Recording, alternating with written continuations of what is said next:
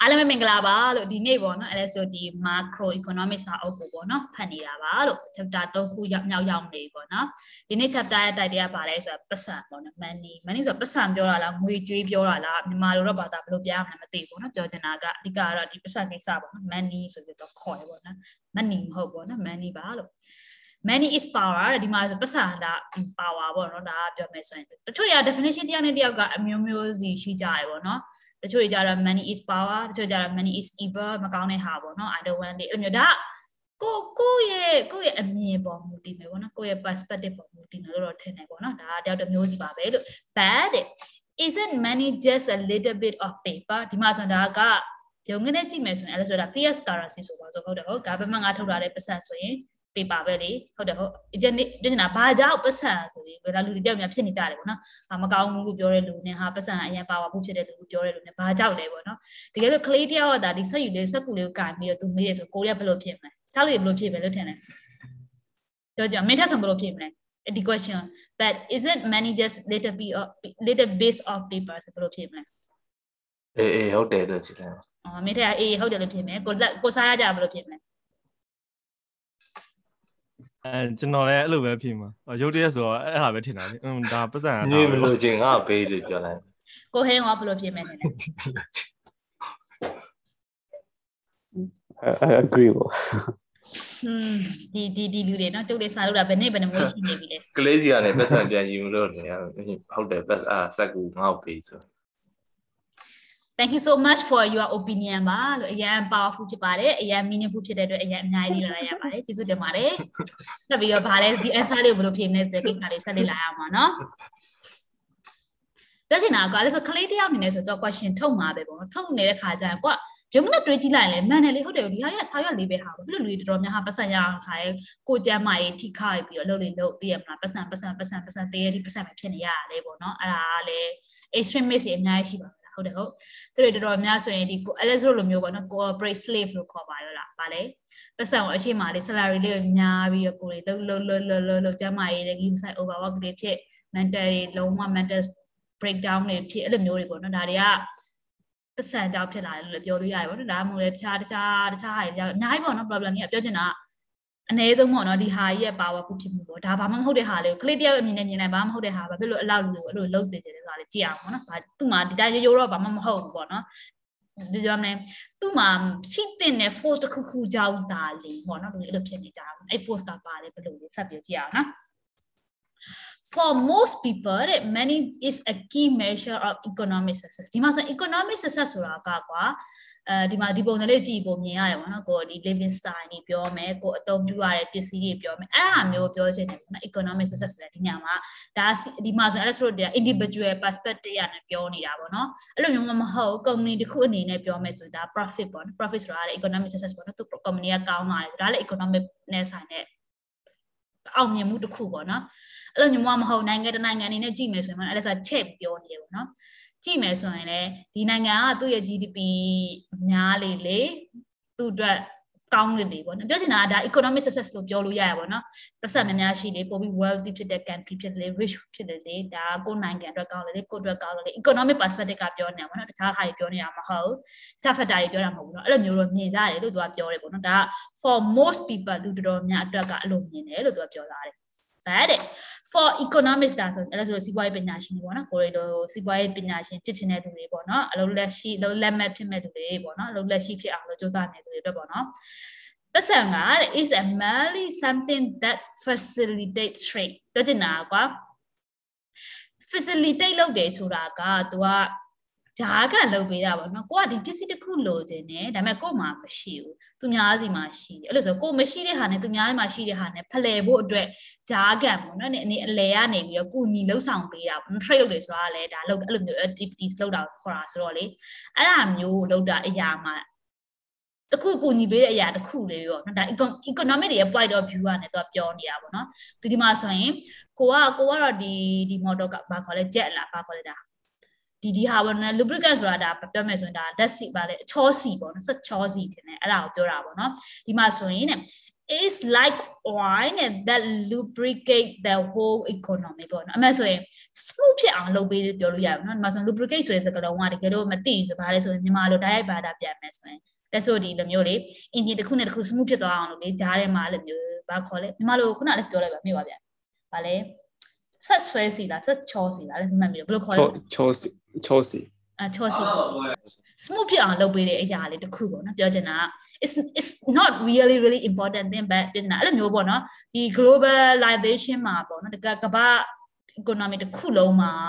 smooth ဖြစ်အောင်လုပ်ပေါ့နော်သူက runner smooth ဖြစ်အောင်လို့ကူညီပေးတယ် facilitate လုပ်ပေးတဲ့အရာလေးတစ်ခုတာလေးပေါ့နော် Melly ဆိုတာတနေ့တော့တိတ်ပြီးတော့အထင်မကြီးတဲ့အရာလေးပြောနေဆိုတော့လေ it keeps the the gear running smoothly ပေါ့နော် smooth လုပ်တယ်ဆိုတာဒါချောမှုဖြစ်နေတဲ့ပုံစံမျိုးလေးပေါ့နော်အဲ့လိုမျိုးလုပ်ပေးတဲ့အရာလေးတစ်ခုသာဖြစ်တယ်ဆိုတဲ့အကြောင်းပေါ့နော်ဒါ economic economic perspective နော်ဒါ general people ရဲ့ perspective ဒါ economic ရဲ့ perspective ပေါ့နော် okay ကြည့်အောင် to understand how many serve as a median or a chain and in economy imagine how complicated life would be without it ဒီမှာဆိုရင်ကွာအဲ့ဒါမမိရလားပတ်စံလို့ပြောလိုက်ပြီဆိုတာနဲ့သူ့မှာရှိသိရှိထိုက်တဲ့ quality ၄ခုရှိရဘယ်သူမှတ်မိလဲ median ရော h က one of them ပေါ့နော် another three ခုရှိပါသေးတယ်ဘယ်သူမှတ်မိပါသေးတယ်ပတ်စံလို့ပြောလိုက်ဘာဖြစ်ရမလဲ celebrity ရှိရမယ် celebrity ရှိရမှာလေ ခင်ဗျားတွေနော်ခင်ဗျားတွေနော်ဒါ micro ဟုတ်လားဒီ bitcoin ရဟာကြီးပြောနေပါတယ်အမှန်တော့အဲ့ဒါအဲ့ဒါတွေနဲ့မဟုတ်ဘူးပေါ့နော်အဲ့ဒါလည်းပါတယ်ပေါ့နော်တခြားတခြားတခြားသူ့ရဲ့ definition ရှိတယ်ပေါ့နော်ပတ်စံဆိုရင်ပါလဲပေါ့နော်အဲ့လက်စနှုတ်ပြန်ပြောမယ်ပေါ့နော်ခင်ဗျားတို့ဒီ course မတက်တာဆိုရင် blame တော့မလုပ်ပါဘူးပတ်စံဆိုရင်ပြောလိုက်ပြီပတ်စံလို့ပြောလိုက်ပြီဆိုရင်တစ်ချက်က standard of value ဖြစ်ရမယ် grand လို့က standard တစ်ခုအနေနဲ့ထားတဲ့ value ကိုတိုင်းတာတဲ့ຢာတစ်ခုအနေနဲ့သိရမှာနော် standard of value ဖြစ်ရမယ်နောက်တစ်ခုကကြတော့ ဒီ standard value တို့ median တို့ exchange တို့ mean of payment တို့ဒါအကုန်လုံးက simple ရိုးမလေးပေါ့နော်အဓိက mean of payment ပေါ့နော် median exchange ပုံစံမျိုး grand လို့ကလက်ခံရမယ်ပေါ့နော်အဲ့ဒါမျိုးအဓိကကိုဟာကိုခုနဒီဟာဆိုရင် standard of value ပြောရဲဆိုခုနဒါ time ပေါ့နော် celebrity နဲ့ပါသွားပြီအဲ့ဒါမျိုးပြောရဲပေါ့နော် celebrity ဖြစ်ရမယ်ဆိုတာလည်းမှန်တယ်ပေါ့နော်အကြမ်းနဲ့ပြောရမယ်ဆိုရင်ဒီ standard of value ဖြစ်ရမယ်ပြဿနာတစ်ချက်တစ်ချင်းချူလို့ရမယ် case ကိုပြောတယ်ပေါ့နောက်တစ်ခုကကြတော့ mean of payment ဆိုတာ median of payment ဖြစ်ရမယ်ပေါ့ median တော့ exchange နဲ့သုံးပါမယ်နောက်တစ်ခုကကြတော့ standard of value store of value ပုံစံမျိုးပါတယ် standard of value ပါတယ် mean of payment ပါတယ်ပြီးတော့သူက standard of defer payment ဆို defer လုပ်တယ်ဆိုတာကွာလို့လဲဆိုတော့ကိုကအခုပေးမယ်လို့ပြနာမနက်ဖြန်မှာပေးမယ်လို့ promise ကိုကွာ defer လုပ်တယ်ဆိုတာရွှေ့နောက်ရွှေ့လိုက်တာကွာမီးဆိုတာကခုန media agent ပုံစံမျိုးကွာကွာဒီ promise ဒီနေ့ပေးမယ်ဆိုတဲ့ promise ကိုနောက်တစ်နေ့ရွှေ့လိုက်တဲ့ခါမျိုးကြရင်လည်းအဲ့လိုမျိုးလုပ်လို့ရတယ်ပေါ့နော်အဲ့လိုမျိုးမီးဆိုတာအဲ့လိုမျိုးဒီမှာဆိုပြောမယ်ဆိုအဲ့ဒီအဲ့ဒီ media နဲ့သုံးရတယ်ပေါ့နော်အရန်ရှုပ်နေထားပြနေတာအနည်းဆုံးက one of the သူရဲ့ criteria က media နဲ့ exchange နေနဲ့ရှိကိုရှိရမှာပေါ့နော်ပတ်စံကလေသူမှတခြား attribute တွေလည်းရှိရဒီဟာကတော့ one of the attribute ပေါ့နော်အဲ့လိုဆိုရင်ねတကယ်လို့ဒါဒီ media ရော exchange တာမရှိခဲ့အနေနဲ့တခုမဟုတ်တခုမရှိဘူးဆိုရင်ဒါအရန်ခတ်လိုက်မယ်ပေါ့နော်အဲ့ဒါဆိုဒီအရင် course တွေမှာလေးလာခဲ့တယ်အဲဆိုအင်းတော့ barter system သုံးပါရလားဟုတ်တယ်ဟုတ် barter system ကလည်းမကောင်းလားဆိုတော့ကောင်းပါတယ်သူမှ small community အတွက်ကောင်းတယ်ပေါ့အဲဆိုတာအခုတော့ခုနောက်ပိုင်း globalization တွေဖြစ်လာပြီဖြစ်တဲ့အတွက် complex ဖြစ်လေပေါ့ပေါ့နော် complication ကိုသူကတော့ management လုပ်နိုင်ပေါ့နော်ကိုကိုဘာတာကိုပစ္စည်းနဲ့သူပစ္စည်းလဲတာဖြစ်တဲ့အတွက်သူပစ္စည်းကိုမလို့ချင်ပေါ့အဲ့ဒါမျိုးအများကြီးရှိတာဖြစ်တဲ့အတွက်ပေါ့နော် sorry ဒီ celebrity နဲ့ပတ်သက်တဲ့ issue တွေကိုတွေ့ရပါလားအဲ့ဒါတွေကိုဘယ်လိုမို့အဲ့ဒါတကယ်လို့လားအဲ့ပတ်ဆက်ငါအဲ့ဒါတွေကို solve ဖို့မပေါ်လာဘူးဆိုရင်အခုကကဘာကြီးကဒီလိုမျိုး civilize ဖြစ်ပြီးတော့ net develop ဖြစ်နေမှာလဲဟုတ်ချင်မှာလဲဟုတ်မယ်ပေါ့နော်ဒီဟာကလည်း one of the reason ပေါ့နော်အခုလိုမျိုးဒီ technological age ကိုရောက်လာတယ်ဆိုတာလေဒီဒီဒီဒီ money ဆိုဟာ invest လုပ်လိုက်လို့လည်းပါတယ်ပေါ့နော်ဒါအကောင်းကျိုးအနေနဲ့လည်းဆက်ပြောပြနေတာပေါ့အဲ့လိုဆိုတော့တစ်ချက်ကြည့်အောင်ဒီမှာသူရဲ့ argument ကပါလဲဆိုတော့တဲ့တကယ်လို့ပတ်စံဆိုတာဒါတဲ့ media နဲ့ agent တွေမရှိခဲ့ဘူးဆိုရင်အခုလက်ရှိအဲ့လိုဆိုကဘာအရင် complex ဖြစ်နေမယ်ပေါ့နော်ဒီမှာဆို without အဲ့လိုပြောရဆို complicated ဖြစ်နေမယ်ဆိုတဲ့အကြောင်းသူပြောသွားတယ်ပေါ့တစ်ချက်ကြည့်အောင်ဘာပြောလဲဆိုတာချက်ကြည့်နော်သူ example လေးတော့ပေးမယ်ပေါ့နော် I have got some chicken but what I really want is a bite ဒီမှာဆိုတော့ဒါက barter system ဖြစ်သွားတယ်ဟုတ်တယ်ဟုတ်ကို့မှာတော့ chicken ရှိရယ်တက်ရှိရယ်ပေါ့နော်ကိုအခုဆိုဒါမြန်မာနိုင်ငံမှာတက်တော်တော်တော်လေးဈေးတက်နေတယ်ပေါ့နော်အဲ့လိုမျိုးဒါတော်သူချမ်းသာလူချမ်းသာလို့ပြောလို့ရတယ်သူဟုတ်တယ်ကြက်ဥလည်းရောင်းလို့ရတယ်ကြက်လည်းရောင်းလို့ရတယ်ဆိုတော့လေအဲ့လိုဆိုတော့သူကကြက်သူ့မှာကြက်ရှိတယ်ဒါပေမဲ့သူကကြက် တဲ့နဲ့သူက bike ကိုဝဲခြင်းနဲ့ bike နဲ့လဲခြင်းနဲ့ဟောဒီမှာဆိုဝဲခြင်းလို့ပြောလို့မရလဲခြင်းနဲ့ okay နော်?ဒါသူသူ့ရဲ့သူ့ရဲ့ position ဟုတ်ပြီနော်?နောက်တစ်ခုကြည့်ရအောင် I have got a bike. သူ့မှာ bike ရှိတယ်ဗောနော်? But what I really want is something singing lesson. မ some singing lesson ဆိုတာတချင်းဆိုတဲ့ lesson ဗောနော်?ပြောချင်တာ okay ငါမှာ bike ရှိပါရဲ့ဒါပေမဲ့ငါက အဲဘတ်စကက်နေကတိမ်ကြငါဒီမျိုးအဆိုရဖြစ်နေဆိုပါဆိုအဲ့လိုမျိုး singing lessons တွေလိုတယ်ပေါ့နော်အဲ့ဒါမျိုးသူလိုချင်တဲ့ဒါသူကသူ့ရဲ့ဒါသူ့ရဲ့လိုရဒီမှာ1တွေရှိရပေါ့နော်သူ့ရဲ့1နဲ့သူ့ရဲ့1နဲ့မတူပေါ့နော်မတိုင်းနေသူ့ရဲ့1က bite ပဲသူလိုချင်တာက chicken မဟုတ်လို့ဆိုတော့သူတို့က trade လုပ်လို့မရဘူးတကယ်လို့ပတ်စံလာမရှိခဲ့ဘူးဆိုရင်နော်နောက်တစ်ခုကြည့်အောင် I can teach you how to sing but what I really want is a haircut ကြည့် तू ကလည်း तू तू तू မှာရှိတယ် तू ပြောချင်တာက competitive advantage လည်းပြောလို့ရတယ်ပေါ့နော်ကို့မှာရှိတဲ့အားသာချက်ပေါ့နော်ကို့မှာရှိတဲ့ skill set လို့လည်းပြောလို့ရတယ်ပေါ့နော်ဒီမှာဆိုရင် तू ကဘာလို့လဲဆိုတော့ तू က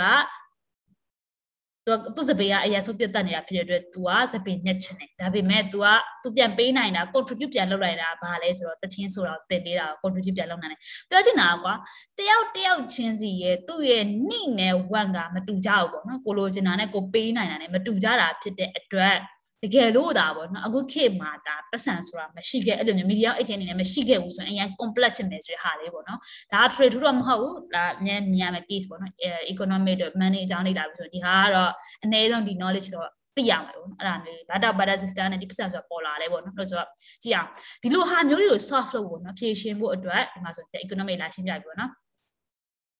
now we just need to find a better ဘာဘာဘာဘာဆိုတာ better မှာပါဘာဘာဆိုတာသိရမလားလဲဆိုတော့ဒီစပင်ညက်ဆိုင်မှာရှိပါလားစပင်ညက်ဆိုင်ရကြလေးဆိုသတိထားပါမယ်စပင်ညက်တာတော့ဒီမုတ်စိမ်မျိုးရိတ်တာလုပ်ပေးလို့ပေါ့နော် who want some chicken ဒီမှာဆိုတော့ကွာဘာဘာကိုသူရှာမယ်ဘာဘာက chicken လိုချင်တယ်အဲ့လိုမျိုးသူတို့ပြောနေတာဒါအဲ့လိုမျိုးတွေပေါ့နော်အဓိက तू က तू ကစပင်ညက်တာလိုချင်တယ်စပင်ညက်ချင်တယ်သူ chicken လိုချင် chicken နဲ့လူနဲ့ ညှိပြီညှိပြီဆိုသူတို့နောက်ရအောင်မယ်သူတို့ညရတဲ့ chicken ကိုဒီသူတွေကလည်း single lesson လို့ရှင်းနေဆိုတော့အဲ့လိုမျိုးပေါ့နော်ဒါအခုလေးယောက်ကိုပါလိုက်ရှင်းပြတယ်တော်လေးရှုပ်နေပေါ့နော်အဲ့လိုဆိုတကယ်စဉ်းစားကြည့်လိုက်သူကဥဆို7 billion 8 billion လောက်ရှိတဲ့လူတွေမှာပေါ့နော်အဲ့လိုမျိုးကလိုက်ညှိဖို့ဆိုရင် um is impossible ပေါ့နော်အဲ့လိုမျိုးပြောလို့ရတယ်ပေါ့နော်အရင် complicated ဖြစ်တယ်ဆိုတဲ့အကြောင်းလေးစဉ်းစားတွေးတောလို့ရတယ်ဆိုတဲ့သဘောလေးပေါ့နော်ဆက်ကြည့်အောင် throughout history people have used all kinds of things of money ဒါလည်းဆိုရင်တော့ history of money နဲ့ပတ်သက်တာလေ့လာခဲ့ရပေါ့နော်ဟုတ်တယ်ဟုတ်ဒါဆိုရင်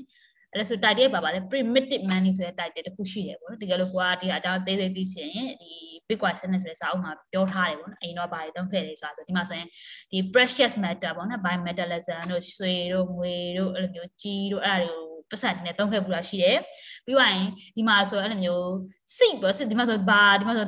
စန့်ထင်တယ်စန့်တို့ဒါမှမဟုတ်လေဆော့လို့ဖြစ်ပါလိမ့်မယ်ဆိုအသေးသေးလေးဆိုတော့အဲ့လိုမျိုးသုံးတာလည်းရှိမယ်ဒါမှမဟုတ်လေဒီလိုမျိုးပါခေါ်လဲ animal တွေပေါ့နော် cat လိုမျိုးကိုသုံးတာလေးရှိမယ်နွားတွေတိရစ္ဆာန်တွေလည်းသုံးပြီးတော့ပတ်စံတွေသုံးခဲ့တာလည်းရှိတယ် နောက်တစ်ခုကဘလောက်ထောင်ဆိုလဲဆိုရင်ဒီဘယ်လိုခေါ်လဲဒီဟာထောင်မှာဆိုရင် secret ကိုပတ်စံနဲ့သုံးတာလည်းရှိတယ်ပေါ့နော်အဲ့ဒါ situation ပေါ်မူတည်ပြီးတော့ကိုနေခဲ့တဲ့ကိုယ့်ရဲ့ပတ်ဝန်းကျင်ပေါ်မူတည်ပြီးတော့အမျိုးမျိုးပြောင်းနေတဲ့ case တွေပြန်ပြောတယ်ပေါ့နော်ဒါကတော့ဒီဒီဟာလေးတော့မမိကြမယ်တဲ့ even a giant stone ဆိုတဲ့ကိစ္စလေးဒီဟာလေးကလည်း ဘာခေါ်လဲ electro one or the island တခုမှာပေါ့နော် island နာမည်တော့မမမိတော့ဘူးဒီလိုမျိုး stone ကိုယူပြီးဒါကတော့ bitcoin နဲ့ system system တော့တို့ပြောပါရောလားအဲ့ဒီဟာလေးကလေဒီလိုမျိုးဒါကဒီသူကတော့ဘသူပိုင်ပါတယ်ပိုင်တဲ့ဟာပြောကိုတရွာလုံးကလည်းတည်တယ်ပေါ့တရွာလုံးတည်တော့သူ့မှာဒါရှိရဖြစ်တယ်ငါဒါလိုက်ဒီဟာရဲ့ဘယ်လောက်ပါဆက်ငါပိုင်တယ်အဲ့လိုမျိုးခွဲတဲ့ပုံစံမျိုးလေးပေါ့နော် can you break this for me အဲ့ဒါကသူ့မှာပတ်စံအနေနဲ့ပစ္စည်းအမျိုးမျိုးအသုံးပြုခဲ့ကြဘူးလေဆိုတဲ့ဟာလေးကိုအဲ့ဒါဆိုမြင်အောင်ပြနေရအောင်နော်ဒီမှာဆိုရင် In most of these cases, the key factor was that money was something with in, intrinsic value. ဒီမှာဆိုရင်ဒီ intrinsic value ဆိုတာကဘာလို့ထင်ကြလဲတယောက်တယောက်ပြောကြည့်ပါဦး let's let people let's နားလဲဆိုပြန်ပြောမယ်ပေါ့နော်ဒီမှာဆိုရင် intrinsic value ပေါ့နော် let's တကယ်ဒီဟာလေးမသိရလို့လည်းရှိတယ် let's တစ်ချက် Google ကြည့်မယ်ပေါ့နော်ဒီတကယ်ပြောငယ်ဒီဟာပထမဆုံးဘာမှမသိပြောပါတယ် define intrinsic value one second နော် intrinsic intrinsic ဆိုတဲ့စကားလုံးရဲ့အဓိပ္ပာယ်အရေးချကြည့်အောင် intrinsic ကိုကြည့်အောင် intrinsic belong natural သူပြောချင်တာကွာ intrinsic ကသူပြောချင်တာသူဟာသူ naturally ဖြစ်နေလူတွေလုံးယူလာတာမဟုတ်เนาะသူကသူ innate သဘောတရားကွာအဲကိုကိုကိုယ်တိုင်ထဲမှာရှိနေတဲ့ဟာမျိုးပြောချင်တယ်ဒီမှာဆိုရင် intrinsic value ဆိုတာမျိုးကလေမိတဲ့အဆင်ပြေတာဒီဟာလေးကိုစကားလုံးကိုလေသူ့ရဲ့ opposite စကားလုံးက intrinsic ရှိတယ်မျက်စိနဲ့မြင်အောင်လို့เนาะနောက်တစ်ခုက ဘာနေကိုရှိနေတဲ့အရာ ဟုတ်တယ်ဟုတ်တယ်ဟုတ်တယ် သူဟာသူရှိနေတဲ့အရာ in in ဆိုတဲ့စကားလုံးအထဲမှာဟုတ်တယ်ဟုတ်သူဟာသူရှိနေတဲ့အရာအဲ့ဒါရဲ့ opposite စကားလုံးက extrinsic sorry extrinsic အဲ့ extrinsic ဒါကဘာလဲဆိုတော့ तू ကသူ့သူရှိနေတာမဟုတ်ဘူးဒီလောက်ယူထားတာတိလားအဲ့ဒါမျိုးပြောချင်တာပေါ့ဒီမှာဆိုရင်ဒီ intrinsic value ဆိုတော့သူဟာသူရှိနေတဲ့ value ရှိရပေါ့နော် something something with intrinsic value သူဟာ natural law ရလူတိုင်းလို့လို့မျိုးဒါမှမဟုတ်သူက ရှိတဲ့နဲ့သူမှအဲ့ဒါသူကသူရှိတဲ့နဲ့ဂုံတက်တခုရှိတယ်ပေါ့နော်အဲ့ဒါတစ်ချက်ကြည့်ဘာလဲပေါ့အဲ့လိုရှိမှသာလဲတိုင်းကလက်ခံမယ်ဆိုတော့သူပြောတာဆိုတော့တစ်ချက်ကြည့်ဒီ intrinsic value ဆိုတဲ့ case ကိုပြောတာပေါ့နော်ဒီစကလုံးကိုခဏခဏမြင်ရပါမယ်လို့ပတ်စံအကြောင်းကိုကိုက bitcoin လို့ဖြစ်ဖြစ် cryptocurrency လို့ဖြစ်ပေါ့နော်သူကသူ့ရဲ့ one of the argument ဒီ intrinsic value ကိစ္စတော်တော်များပြောကြတယ်ပေါ့နော်ဒီ intrinsic value ကဘာလဲဆိုတော့လည်းတစ်ချက်နားလေအောင်ကြည့်ရအောင်နော်ဗာလေဒီမှာဆိုရင်ထက်ကြည့်အောင် whose whose face is on that coin ဒီ coin ထဲမှာရှိတာကွာဘယ်သူဘယ်သူရုပ်ရည်လဲ as long as it's a gold it doesn't matter ဒီမှာဆိုပြောချင်တာကွာဒီရွှေဆိုတာကလည်း သူမှာ natural ဒီ natural nature ပဲ formula တွေရှိတယ်ပေါ့နော်သူကအများအဲ့ intrinsic value ရှိတယ်ဒါပေမဲ့ဒီလူမှာရွှေမှာရိုက်ထားတဲ့လူကဘယ်ပဲရင်ရဲ့ဖြစ်ချင်းမြန်မာနိုင်ငံဆိုလည်းမြန်မာနိုင်ငံဟိုဥဆောင်တရလူတရတဲ့ပုံရိုက်ထားမယ်နိုင်ငံခြားမှာဆိုလည်းလည်းမျိုး US ဆိုလည်း US president ပုံတွေရိုက်ထားမယ်ဒီမှာဆိုကင်းဆိုရင်အရင်တော့ဆိုရင်ကင်းပေါ့နော်ကင်းသူတို့ကင်းရဲ့ပုံတွေရိုက်ထားပြစ်နာသူတို့ဘယ်သူပဲရိုက်ရိုက်ရိုက်တာအဲ့ဒါအရေးမကြီးဘူး as long as it is သူ့မှာ go ဆိုတော့ I don't care sorry I don't get လို့သူပြောတာဖြစ်တဲ့အတွက်ပေါ့နော်အဲ့ဒါမျိုးလေးရှိတယ် go ဆိုတာလည်းသူမှာ intrinsic value ရှိတယ်ပေါ့နော်ဒီ chemical use case အဲ့ဒါကြောင့်လည်းတစ်ခေါက်ဆွေးနွေးတာရှိတယ်ပေါ့နော် chemical နဲ့ပတ်သက်တဲ့ use case တွေရှိမယ်ပြီးတော့လွယ်လွယ်ကူကူနဲ့သူ့ကို break လုပ်လို့ရမရတာတွေရှိမယ်အများကြီးရှိတယ်ပေါ့နော်သူ intrinsic nature တစ်ခုမှတစ်ခုရှိနေနောက်ဒါအရင်တော့ဟာကိုပြောတာပေါ့နော်ရွှေလိုမျိုးဟာကိုပြောချင်တာပေါ့နော် nowadays nowadays most people is a fiat money fiat money က government money ပါပေါ့နော်ဒါလည်းတကယ်လို့ဒီဟာမကြားဘူးလေဆိုတော့ဒါကပြန်ပြီး ပြန်ပြီးတော့နားထဲမှာပထမဆုံးကြားဘူးလေဆိုရင်လည်းဆိုအခုလက်ရှိသုံးနေတာအဲ fiat currency ပေါ့နော်ဒါ government ဘက်ကထုတ်လာတဲ့ currency ကိုခေါ်ပါတယ်လို့ meaning that is it has value simply because everyone believes ဒီ belief ဆိုတဲ့စကားလုံးတော်တော်လေးမှတ်ထားစေချင်တယ်သိလားဆိုတော့ဒီပတ်စံဘာကြောင့် useful ဖြစ်နေလဲဘာကြောင့်လွယ်လို့လက်ခံလို့ကွာဒီပတ်စံက ပတ်စံဖြစ်နေတာပေါ့နော် fiat currency က तू ကလေထဲမှာမဲ့ဒါပတ်စံက government က enforce လုပ်ထားလို့ကွာတုံးလိုက်တယ်ဆိုပါစို့နော်ဒီ government enforce လုပ်တဲ့ currency ဖြစ်တဲ့အတွက်ဒီ government ကိုယုံကြည်တယ်လေဒီပတ်စံကသူ့ရဲ့ကပေါ့ soundness လို့လည်းခေါ်တယ်သူ့ရဲ့ hard hardness လို့လည်းခေါ်တယ်ပေါ့တဖြည်းဖြည်းနဲ့ပတ်စံမာတယ်ငွေမာငွေမာလို့ခေါ်တာလေအဲ့ဒါမျိုးတွေပေါ့နော် तू ကလူတွေမှာ trust belief ဆိုတဲ့စကားလုံးက trusting ဖြစ်တာ ਨੇ တူတယ်ဟုတ်တယ်ကိုကယုံတာတွေမယုံတာတွေကွာတယ်ဟုတ်တယ်ဒီပတ်စံက तू က value ဖြစ်နေတာဘာလို့လဲလို့ယုံလို့ ဟုတ်တယ်တကယ်လို့လူတိုင်းလို့မယုံနေတာပတ်စံဖြစ်လာမှာပေါ့ဒီကလူလူတိုင်းလည်းဒါလူတိုင်း responsible လို့လည်းပြောလို့ရပါတော့ပြောနေပြန်တွေးမယ်ဆိုအဲ့ဒါမျိုးတွေပေါ့နော်ဒါ ne political ပတ်လည်းသိမပြောတော့ဒီမှာဆိုရင်အရင်တော့ဆို go တို့တခြားဘာတို့ဆိုသူ့မှာ intrinsic value natural ကပေးထားတဲ့ value တစ်ခုမဟုတ်တစ်ခုရှိနေကွာတခြားဟာတွေဆိုလည်းသူ့ရဲ့ use case တွေရှိမယ်ပေါ့နော်သူ့မှာအဲ့လိုမျိုးရှိနေ intrinsic value တစ်ခုမဟုတ်တစ်ခုရှိနေရပေါ့နော် bitcoin မှာရော intrinsic value ရှိတာမရှိတာဆိုတဲ့ဟာလေးတွေသူတို့မှာအဲ့လိုမျိုးတွေမေးရရှိတယ်ပေါ့နော် bitcoin ကသူကသူ current ဒီအခုလက်ရှိဖြစ်နေတဲ့ global financial system ကိုသူကသွားပြီးတော့ change နေတာဆိုတော့လေအဲ့လိုဆိုတော့သူ intrinsic value နဲ့ပတ်သက်တဲ့ topic တွေလည်းအများကြီးပြောတယ်ပေါ့နော်အတိအဲ့ဒါအစအဆုံးပြန်မမှတ်မိတော့ပြောတဲ့ဟာဒီနေ့ကြာပြီဆိုတော့ဖတ်ထားတာလေတကယ်လို့ကိုကအသေးစိတ်လေးလာခြင်းနေဆိုရင်ပေါ့နော် bitcoin က intrinsic value ရှိမရှိပါနည်းနည်း google ကြည့်လိုက်ဖြစ်ထွက်လာမှာပေါ့နော်အဲ့ဆိုတော့ပြောချင်တာကဒီမှာဆို fiat currency ကတဲ့သူ့မှာဘာလို့ value ရှိနေလဲဆိုတော့တဲ့လူတိုင်းလို့ယုံလို့ပေါ့နော်အဲ့ဒါတစ်ချက်မှတ်ထားသင့်ကြပါတယ်လို့ဒီမှာဆိုရင်သူကဒါဆိုရင်ဒီမှာ US currency ပဲမှတ်လိုက်ရအောင်နော် this bill is what way more than the paper is printed on ပေါ့နော်ဒီမှာ printed ထားတဲ့ paper ထက်ဆိုင်ပို့ပြီးတော့ valuable ဖြစ်တယ်ပေါ့နော်ပုံမှန်ဆိုရင်ဒီ intrinsic value ဆိုတဲ့သဘောတရားကွာပုံမှန်ဆိုစက္ကူဆိုတဲ့စကားလုံးလေးอ่ะကွာစက္ကူကဗမာဒန်ယိုကာနဲ့စက်ကူပဲပေါ့နော်ဒါပေမဲ့ပတ်စံအနေနဲ့သုံးလိုက်တဲ့စက်ကူကရိုးစက်ကူတဲ့ပေါ်ပို့ပြီးတော့ valuable ဖြစ်နေတယ်ဟုတ်တယ်အဲ့ဒါကိုသူပြောချင်မှာဒီမှာဆိုရင် intrinsic ဆိုတာရွှေရအဲ့မျိုးမဟုတ်နော်ရွှေကဒီ value ဆိုဒီ value အဲ့လိုမျိုးအဲ့လိုမျိုး natural ကပေးတဲ့ value ထက်တော့ပဲသူကရှိနေပေါ့ဒါအဲ့လိုမျိုးမဟုတ်ဒီပတ်စံက paper ဆိုပေမဲ့လည်းဒီဟာအဲ့လိုမျိုး paper လို့ပြောလိုက်တာပတ်စံ paper လို့ပြောလိုက်တာဖြစ်တဲ့အတွက်ကိုယ် valuable ဖြစ်နေအဲ့လိုမျိုးသူပြောချင်တာပါနော် really i don't believe it but we all do အဲ့လိုပြောတာမျိုးပြောချင်တာကွာတကယ်လို့လူတိုင်းတို့ကဘယ်မားရရတခုပဲဖြစ်ဖြစ်ပေါ့နော်လူတိုင်းလူတိုင်းယုံနေဆိုရင်ဒီကအမှန်ဖြစ်သွားတာလေ majority role ပုံစံမျိုးတွေအဲ့ဒါမျိုးတွေလည်းရှိတယ်ပေါ့နော်ဒါကအောက်နောက်ထဲမှာ message တင်ပါတယ်ပတ်စံဆိုတဲ့စကားလုံးပြောလိုက်ရင်လေပတ်စံဆိုတာကအခုလက်ရှိပတ်စံဆိုတာပေါ့နော်လူတွေကယုံကြည်လို့ပတ်စံဆိုတာဖြစ်လာတယ်ပေါ့နော်ဒါလူတိုင်းလူလိုကဒါပတ်စံနေတယ်ကွာ we all do ဆိုတာငါတို့အားလုံးယုံနေသူပြောတာဖြစ်တော့လေ and that makes it true ပေါ့နော်အဲ့ဒါကြောင့်သူပတ်စံဆိုတာဖြစ်လာတယ်ဆိုတော့ပြောချင်တာပေါ့နော်ဆက်ပြီးတော့ကြည့်မယ်နော် it may seem crazy that the government governments government ဆိုတာကမ္ဘာလုံး government တွေပြောတယ်ပေါ့နော်ဒီနိုင်ငံတနိုင်ငံနိုင်ငံအများစု government တွေကပေါ့နော် have the power to create many out of thing ဒီစကားလုံးဆိုခဏခဏကြားမယ်နော် bitcoin argument 1တဲ့တခုက government တွေကသူလေထဲမှာပတ်စံထုတ်နေတာသူတို့သူတို့မှလေ create many out of thing ဒါပေမဲ့ production cost တွေတော့ရှိမှာပဲဟုတ်တယ်ဟုတ်ဘယ်လောက် percent cost တွေအများကြီးရှိပါတယ်ပတ်စံထုတ်ရတယ်သူ paper ထုတ်ရတယ် printing လုပ်ရတယ် electricity သုံးရတယ်ဟိုဟာသုံးရတယ်ဒီဟာသုံးရဖြစ်တဲ့ cost တုံးကမရှိဘူးလားဆိုတော့လည်းရှိပါတယ်ဒါပေမဲ့ generally speaking ပေါ့နော် create many out of thing အဲ thing ဆိုတာဒါလေတွေကနေပတ်စံထုတ်နေတာပုံစံမျိုးပြောချင်တယ်ပေါ့နော်ဒီ argument ကခဏခဏတွေ့မယ်ပေါ့နော်ပြုံးကနေစဉ်းစားလိုက်မယ်ဆိုရင်တဲ့လုံးဝအရင်အရင် crazy ဖြစ်တဲ့အရာတစ်ခုလို့မြင်လို့ရတယ်ပေါ့နော်ဒီမှာဆိုစောက်ကြည့်ဒီဆက်ကနေပြီးတော့ပတ်စံ print လုပ်ပြရပါပေါ့နော်ပြောချင်တာ just create many out of thing ဆိုတာဒါမြင်လို့ရတယ်ပေါ့နော်ကိုမျက်စိမှာမြင်ကြည့်လို့ရတယ် these many making machine machine ဆိုတာ factory မှာဘယ်လိုမျိုးလဲမြန်မာနိုင်ငံမှာဆိုရင်ဘာခေါ်ပါလဲဇီဝကလာဝဇီကလာဆိုမသိအဲ့ဒါနဲ့ပတ်သက်တဲ့နေရာ factory ရှိတယ်ပေါ့တော်တော် location မသိကြဘူးဒီဟာတွေကဆိုတော့ဒီ forgery တွေ fake money တွေလုံးမှာဆိုလို့ပေါ့နော်တော်တော်များတို့ဒီဟာတွေကအဲတော်တော် public မသိပဲ knowledge တွေများတယ်ပေါ့နော် this money making machine is going to make us all rich ပြောချင်တာကွာတကယ်လို့ဒါ तू ကတခါတည်းအဲ့ဒါစဉ်းစားမိဒီ question မေးမေးလဲမေးခဲ့ဘူးလေပေါ့နော်ကိုကိုတိုင်းကလည်းဒါပေမဲ့ဒါ तू ကထုတ်ချင်တယ်လို့ထုတ်နေပြရမယ်ဘယ်လိုလူကအကိုအားလုံးတိုင်းလို့အားလုံးချမ်းသာအကုန်လုံးမထုတ်ပြလိုက်ကြတယ်နော်မစဉ်းစားမိဘူးလားအဲ့လိုမျိုးတခါလာဒီလောက်လေသူတို့ပတ်စံနေ print print လုပ်နေရတယ်ဆိုဘာဖြစ်လို့အားလုံးချမ်းသာတကယ်လို့ဒါအဲ့လိုအားလုံးကဒီစိတ်အမောက်ပဲဆိုရင်ဒီပတ်စံဘယ်လိုပဲရှိတော့မယ်လို့ထင်လားပြောချင်တာ ထုတ်ချင်တာထုတ်လူတိုင်းတော့လုံးဝကလုံးပေးလိုက်တို့ဘာလို့ချင်တယ်ပေးလိုက်ဆိုဒီပတ်စံကလုံးဝရည်ဖြစ်သွားမှာမထင်ဘူးလားပြန်တွေးကြည့်တာပါချားလူတွေဘယ်လိုတွေးကြည့်လဲတကယ်လို့ဒါဒါပေမဲ့ငါအဲ့လိုမျိုးလုံးဝโอเคအားလုံးကโอเคငါပတ်စံထုတ်ချင်တော့ထုတ်လို့ရတယ်အဲ့လိုဆိုတော့ငါတို့အားလုံးအားလုံးတို့လူချမ်းသာတွေလောက်ပြီးလိုက်မယ်ဆိုပြီးတော့တို့โอเคအားလုံးတို့10 million ကျက်တွေယူကြဆိုလို့လိုက်ရောဘယ်လိုဖြစ်သွားမှာလဲအဲ့လေဟိုတက်စီများများပြန်ကောက်ပါအဲ့အတူတူပဲတယ်ဟုတ်တယ်အဲ့ဒီတရားကိုဟုတ်လို့လောက် တတန်းနေပြင်ရ test ကိုထားတော့ တတန်းလောက်ပြန်ထည့်ဆိုအဲ့ဆို level မှုရှိသွားပြီ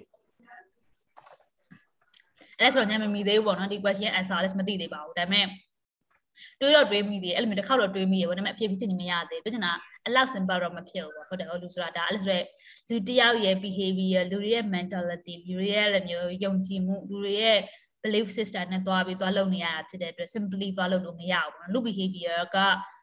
sometimes လူက irrational ဖြစ်တယ်လို့ပြောပါရတာဟုတ်တယ်ဟုတ် ကိုကိုက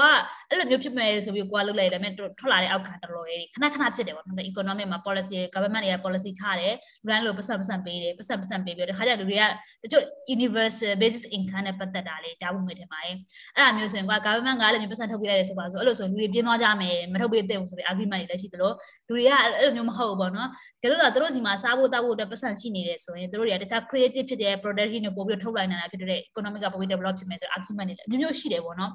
we never know what's going to happen ကပြဿနာအဲ့လိုမျိုး intrinsic value နဲလို့နေမှာနော်သူ intrinsic value ရှိတဲ့တခြား currency နဲ့လိုက်ပြိုင်ဆိုင်နေရတယ်ဆိုတော့သူတယောက်တည်းရှိတာမဟုတ်ဘူးတကယ်လို့ပတ်စံပဲရှိရဆိုတော့တခြား intrinsic value ရှိတဲ့ material တွေမရှိဘူးဆိုရင်တော့သူပဲရှိရင်တော့သူကဆရာကြီးပေါ့အဲဆိုကြိုက်တော့ထုတ်လို့ရတယ်ထင်တာပဲတွေ့နေတာကဒီဟာအရင် simply define လုပ်လို့ရတဲ့အရာတခုမဟုတ်ပေါ့နော်ဟုတ်တယ်ဟုတ် လူတွေပါလာပြီးဆိုကြတဲ့လူတွေနဲ့ဆက်ဆက်လုပ်ရတယ်ဆိုကြတဲ့အဲ့လိုဆို economic ဆိုကြတဲ့လူတွေ interaction လေးလာနေတာဟုတ်တယ်ဟုတ်လူတွေရဲ့သူတို့ရဲ့သူတို့လိုချင်တဲ့ဟာ optimize လုပ်နေတဲ့ကိစ္စလေးလာနေတာဖြစ်တဲ့အတွက်တယောက်တစ်မျိုးစီ optimize လုပ်နေတော့လေတခုတည်းကို standardize လုပ်ရတာလည်းခက်တယ်ပေါ့နော်နောက်တစ်ခုကဘယ်လိုဖြစ်လာမလဲ we never know ကိုက let's ကဒီပစံရ let's ကထမင်းစားဖို့တုံးလဲတုံးခြင်းနဲ့တုံးမဒါမှမဟုတ်လဲတခြားလူတယောက်ကထမင်းစားနေမှာတကယ်လိုအပ်တယ်ပေါ့နော်သူ business need နေရာမှာမတုံးမဲနဲ့သူက gain သဆောလိုက်ရော ပြချင်တာကွာလူရဲ့ irrational ဖြစ်တယ်ဟုတ်တယ်ဟုတ်သူသူဒါပေးတယ်လို့သူဘာလို့မဆိုကွာမတွေးနိုင်မတွေးနိုင်ဆိုတော့ဒီ policy တစ်ခုလုံးကကိုထင်တယ်လို့ဖြစ်လာအောင်လုပ်ဖို့ဆိုတာလည်းခတ်တယ်ပေါ့နော်ပြောချင်တာအဲ့ဒါမျိုးအများကြီးရှိတယ်ပေါ့နော် let's ပြောချင်တာပတ်စံပေးချင်တာပေးလိုက်တော့ဟုတ်ပါပြီပေးလိုက်လို့ဖြစ်လာမယ်အောက်ခံနေဘာတွေဖြစ်လာနိုင်လဲဆိုတာအရင်အရင် prop topic တွေပေါ့နော်တစ်ချက်ကြည့်အောင်သူပြောတဲ့ဟာ argument လေးဆက်ပြီးဆက်ပြီးလေ့လာကြအောင်နော်နည်းနည်းတော့ off topic ဖြစ်သွားတယ် sorry ပါ but it's less crazy when you recognize that this power is of limited value ဒီမှာဆိုရင်အဲ့ဆိုအရင်တော့မှပြောပါရလားပတ်စံ print ထုတ်လာနေထုတ်လို့မရဘူးသူတို့ economy တွေသူတို့ကြည့်ရသေးတယ်ပြီးရင်သူတို့ရဲ့ဒီ product ဒီ GDP GDP GPT လုံးမယ်ဒီမနေ့က GPT 3နဲ့မှာပဲ GDP လည်းကြည့်ရကားကိုကိုနိုင်ငံနိုင်ငံရဲ့ productivity power တွေပဲကြည့်ရသေးတယ်ပြီးရင်ကိုနိုင်ငံမှာသူများနိုင်ငံတွေကွာလုံးလုံးလောက်အောင်မယ်လေဟုတ်တယ်ဟို pick lesson လုပ်လို့လည်းမရအများကြီးရှိရပေါ့နော်ငါကိုနိုင်ငံမှာဒီမှာရွှေပိုင်းဘယ်လောက်ရှိရ case တွေလည်းနည်းနည်းထားရတာဆိုတော့အဲ့ဒါလေးကြည့်ရတာဆိုတော့ limited value ဖြစ်တယ်ဆိုတဲ့အကြောင်းလေးပေါ့နော် the power is of limited value ပတ်စံ print ချင်တိုင်း print ထုတ်လို့မရဘူးဆိုတဲ့အကြောင်းကိုပြောချင်တာပေါ့ဒီမှာ limited value ဘာဖြစ်လဲဆိုတော့ तू ကထုတ်လို့ရရတာနဲ့ဖြစ်နေတာထုတ်လို့မရဘူးဆိုတဲ့ပုံစံမျိုးနည်းနည်းပေါ့နော်ပြောပြီးဟိုလိုဒီလိုဖြစ်နေတယ်ပြောမယ်ဆိုရင် countries can begin reach that just by printing money မှာပြောချင်တာပတ်စံနေ print print လုပ်နေလူ country က rich လာမှာမဟုတ်ဆိုတဲ့အကြောင်းလေးလေသူပြောသွားတယ်ပေါ့နော်။ဂျုံနဲ့ simply တွေးလိုက်မယ်ဆိုရင်လူတိုင်းတော့ပတ်စံချမ်းသာတယ်လူတိုင်းတော့ပတ်စံ print လုပ်ပေးလိုက်ရင်ချမ်းသာမှာမဟုတ်လားဆိုတာမျိုး argument တွေလာနိုင်တယ်ပေါ့နော်။ဒါပေမဲ့ countries can be can become rich just by printing money လို့သူပြောတာဖြစ်တယ်ဒီကအဲ့လိုလုပ်လို့မရဘူးဘာဖြစ်လို့လဲဆိုတာချက်ကြည့်အောင်နော်သူက reason တော့ရှိမယ် it was too good to be true ပေါ့နော်ပြောချင်တာဒီကပြောမယ်ဆိုဟာဒါလေးဖြစ်အရင်ကောင်းပါပဲဒီမှာဆိုဟာ it sound too good to be true ဆိုတော့ပြောတာဆိုတော့လေဒါလေးဖြစ်လာရင်ကောင်းပါပဲဆိုတဲ့ပုံစံမျိုးပေါ့နော်ဒါပေမဲ့ဒါပေမဲ့တကယ် economic point of view ကကြည့်မယ်ဆိုရင်ဒီလိုမျိုးဟာတွေက country တခု rich ပိုအလားလာမရှိဘူးပေါ့နော် country တခုက rich ဖြစ်လာမယ်ဆိုရင်အနည်းဆုံးသူထုတ်လုပ်တဲ့ကုန်ပစ္စည်းတွေကပို့ပြီးတော့များလာမယ်အဲ့ဘက်ကိုသွားမှာပေါ့နော်အဓိက value creation ရှိရမယ်ဆိုတဲ့ပေါ်ပေါ့ဒီမှာဆိုရင် percent print လုပ်ရတာဒါဘာမှ create အတိအဓိကအတိပတိစေများများရှိရမယ်ဒီ product တွေအတက်တွေထွက်လာမယ်အဲ့လိုမျိုးအဲ့လိုမျိုးတွေကြပေါ့နော်ပြောချင်တာဘာမှမလုပ်ဘဲနဲ့တိုင်းပဆိုင်မဲ့ထုတ်ပေးနေ ဘာမှလူတွေငပြင်းဖြစ်တာမျိုးလည်းဖြစ်ကောင်းဖြစ်သွားနိုင်တယ်ပေါ့အဲ့လိုဆိုဘာမှမတိုးတက်တာမျိုးလည်းဖြစ်ကောင်းဖြစ်နိုင်တယ်ဒါလည်းဖြစ်ကောင်းဖြစ်နိုင်လို့ဆိုတော့ပြောလဲဆိုတော့ we never know ပေါ့နော်ဒီ universal basic income theory ကလည်းသူက argument တွေအများကြီးရှိတာဆိုတော့လေစိတ်ဝင်စားတော့ဖတ်ကြပါလို့ဘုရားတော့ပတ်စံပတ်စံလိုအားလောက်ပေးလိုက်ဘာဖြစ်လာမလဲဆိုတာလေးတွေတကယ်စိတ်ဝင်စားတဲ့ကောင် topic တွေအများကြီးရှိရအောင်တကယ်လို့ဒီပတ်စံဒီ question မေးဘူးလို့ပြောပါတယ်ပတ်စံကို direct ထုတ်ပြီး print လို့အများကြီးလုပ်ပြီးထုတ်ပေးလိုက်ရင်အစမပြေသွားဘူးလားဆိုရင် question မေးခဲ့ဘူးလို့ရှိအဲ့လိုမျိုးဟာနဲ့ universal basic income သွားပြီးတော့ Google ကြည့်ပါလို့အဲ့အဲ့နဲ့ပတ်သက်ပြီး argument တွေတွေ့ရမှာပေါ့နော်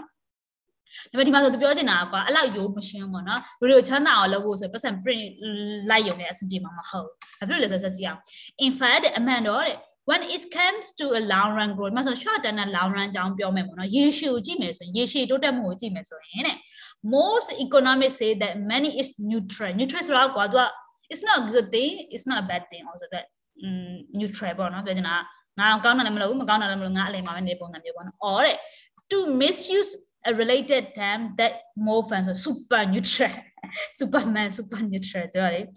have အမှဆိုတော့သူကမီးနောင်နေပေါ့နော်မီးနောင်နေတော့ပြောငါ့ကိုပါအောင်ဆိုတော့ sorry we can have i'm neutral and i'm super neutral ဟာတောက်နော်ပြောညာဒီမှာ fan နေနဲ့ပြောမယ်ဆိုတော့ပြောညာသူ့ရဲ့ argument ကပတ်စံဆိုတာက तू က အလောက်အရေးကြီးတဲ့နေရာမှာမပါဘူး။ तू ကစီးပွားရေးကောင်းကန့်ဖြစ်ဖို့အတွက်လဲပတ်နိုင်အောင်လို့ချောစီတော့ပေါ့နော်။အဲ့လိုအချောတက်ပေးတဲ့အရာတစ်ခုအနေနဲ့ပဲတို့ကမြင်တယ်။ကိုလူတိုင်းလိုချမ်းသာအောင်ပတ်စံ print လုပ်ပြီးတော့လုပ်ပြီးတော့မရဘူးပေါ့နော်။အဲ့လိုမျိုးရှိတယ်။ချက်ကြည့်အောင်။မသိရတစ်ခုလည်းရှိရတယ်ပေါ့နော်။ that theory of money neutrality say that if the amount of money in circulation the amount of money in circulation ဆိုရင်နောက် term အနေနဲ့ပြောမယ်ဆိုရင်ပတ်စံအကျေပတ်စံလားဘယ်လိုခေါ်လဲဆိုတော့ bot money ဆိုတာဘယ်လိုခေါ်လဲမမအကျေပတ်စံလားအကျေပတ်စံအကျေဘယ်လိုခေါ်လဲဆိုမှတ်မိလား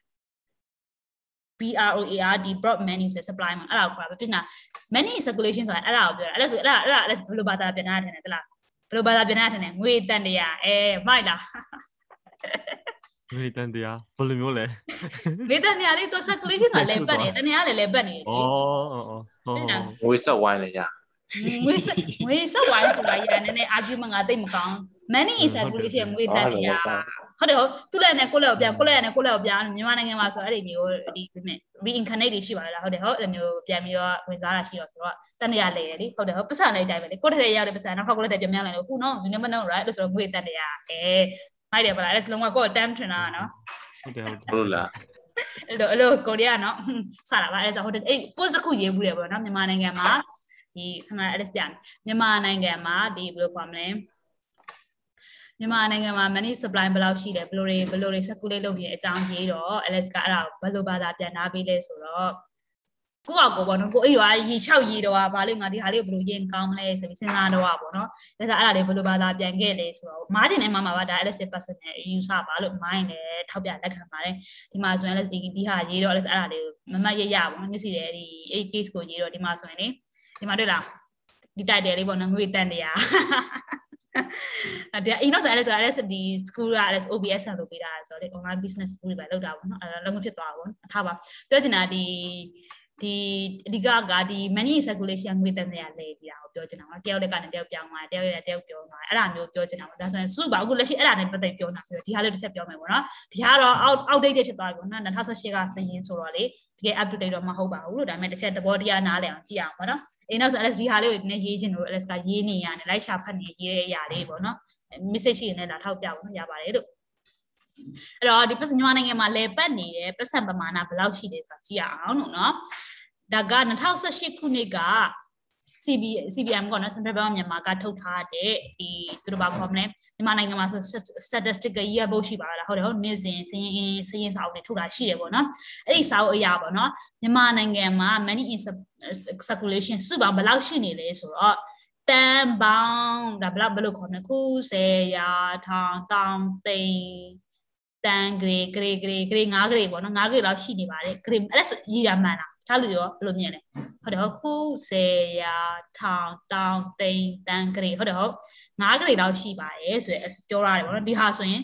မှာလေမီလီယံ9ဂရေမီလီယံနော်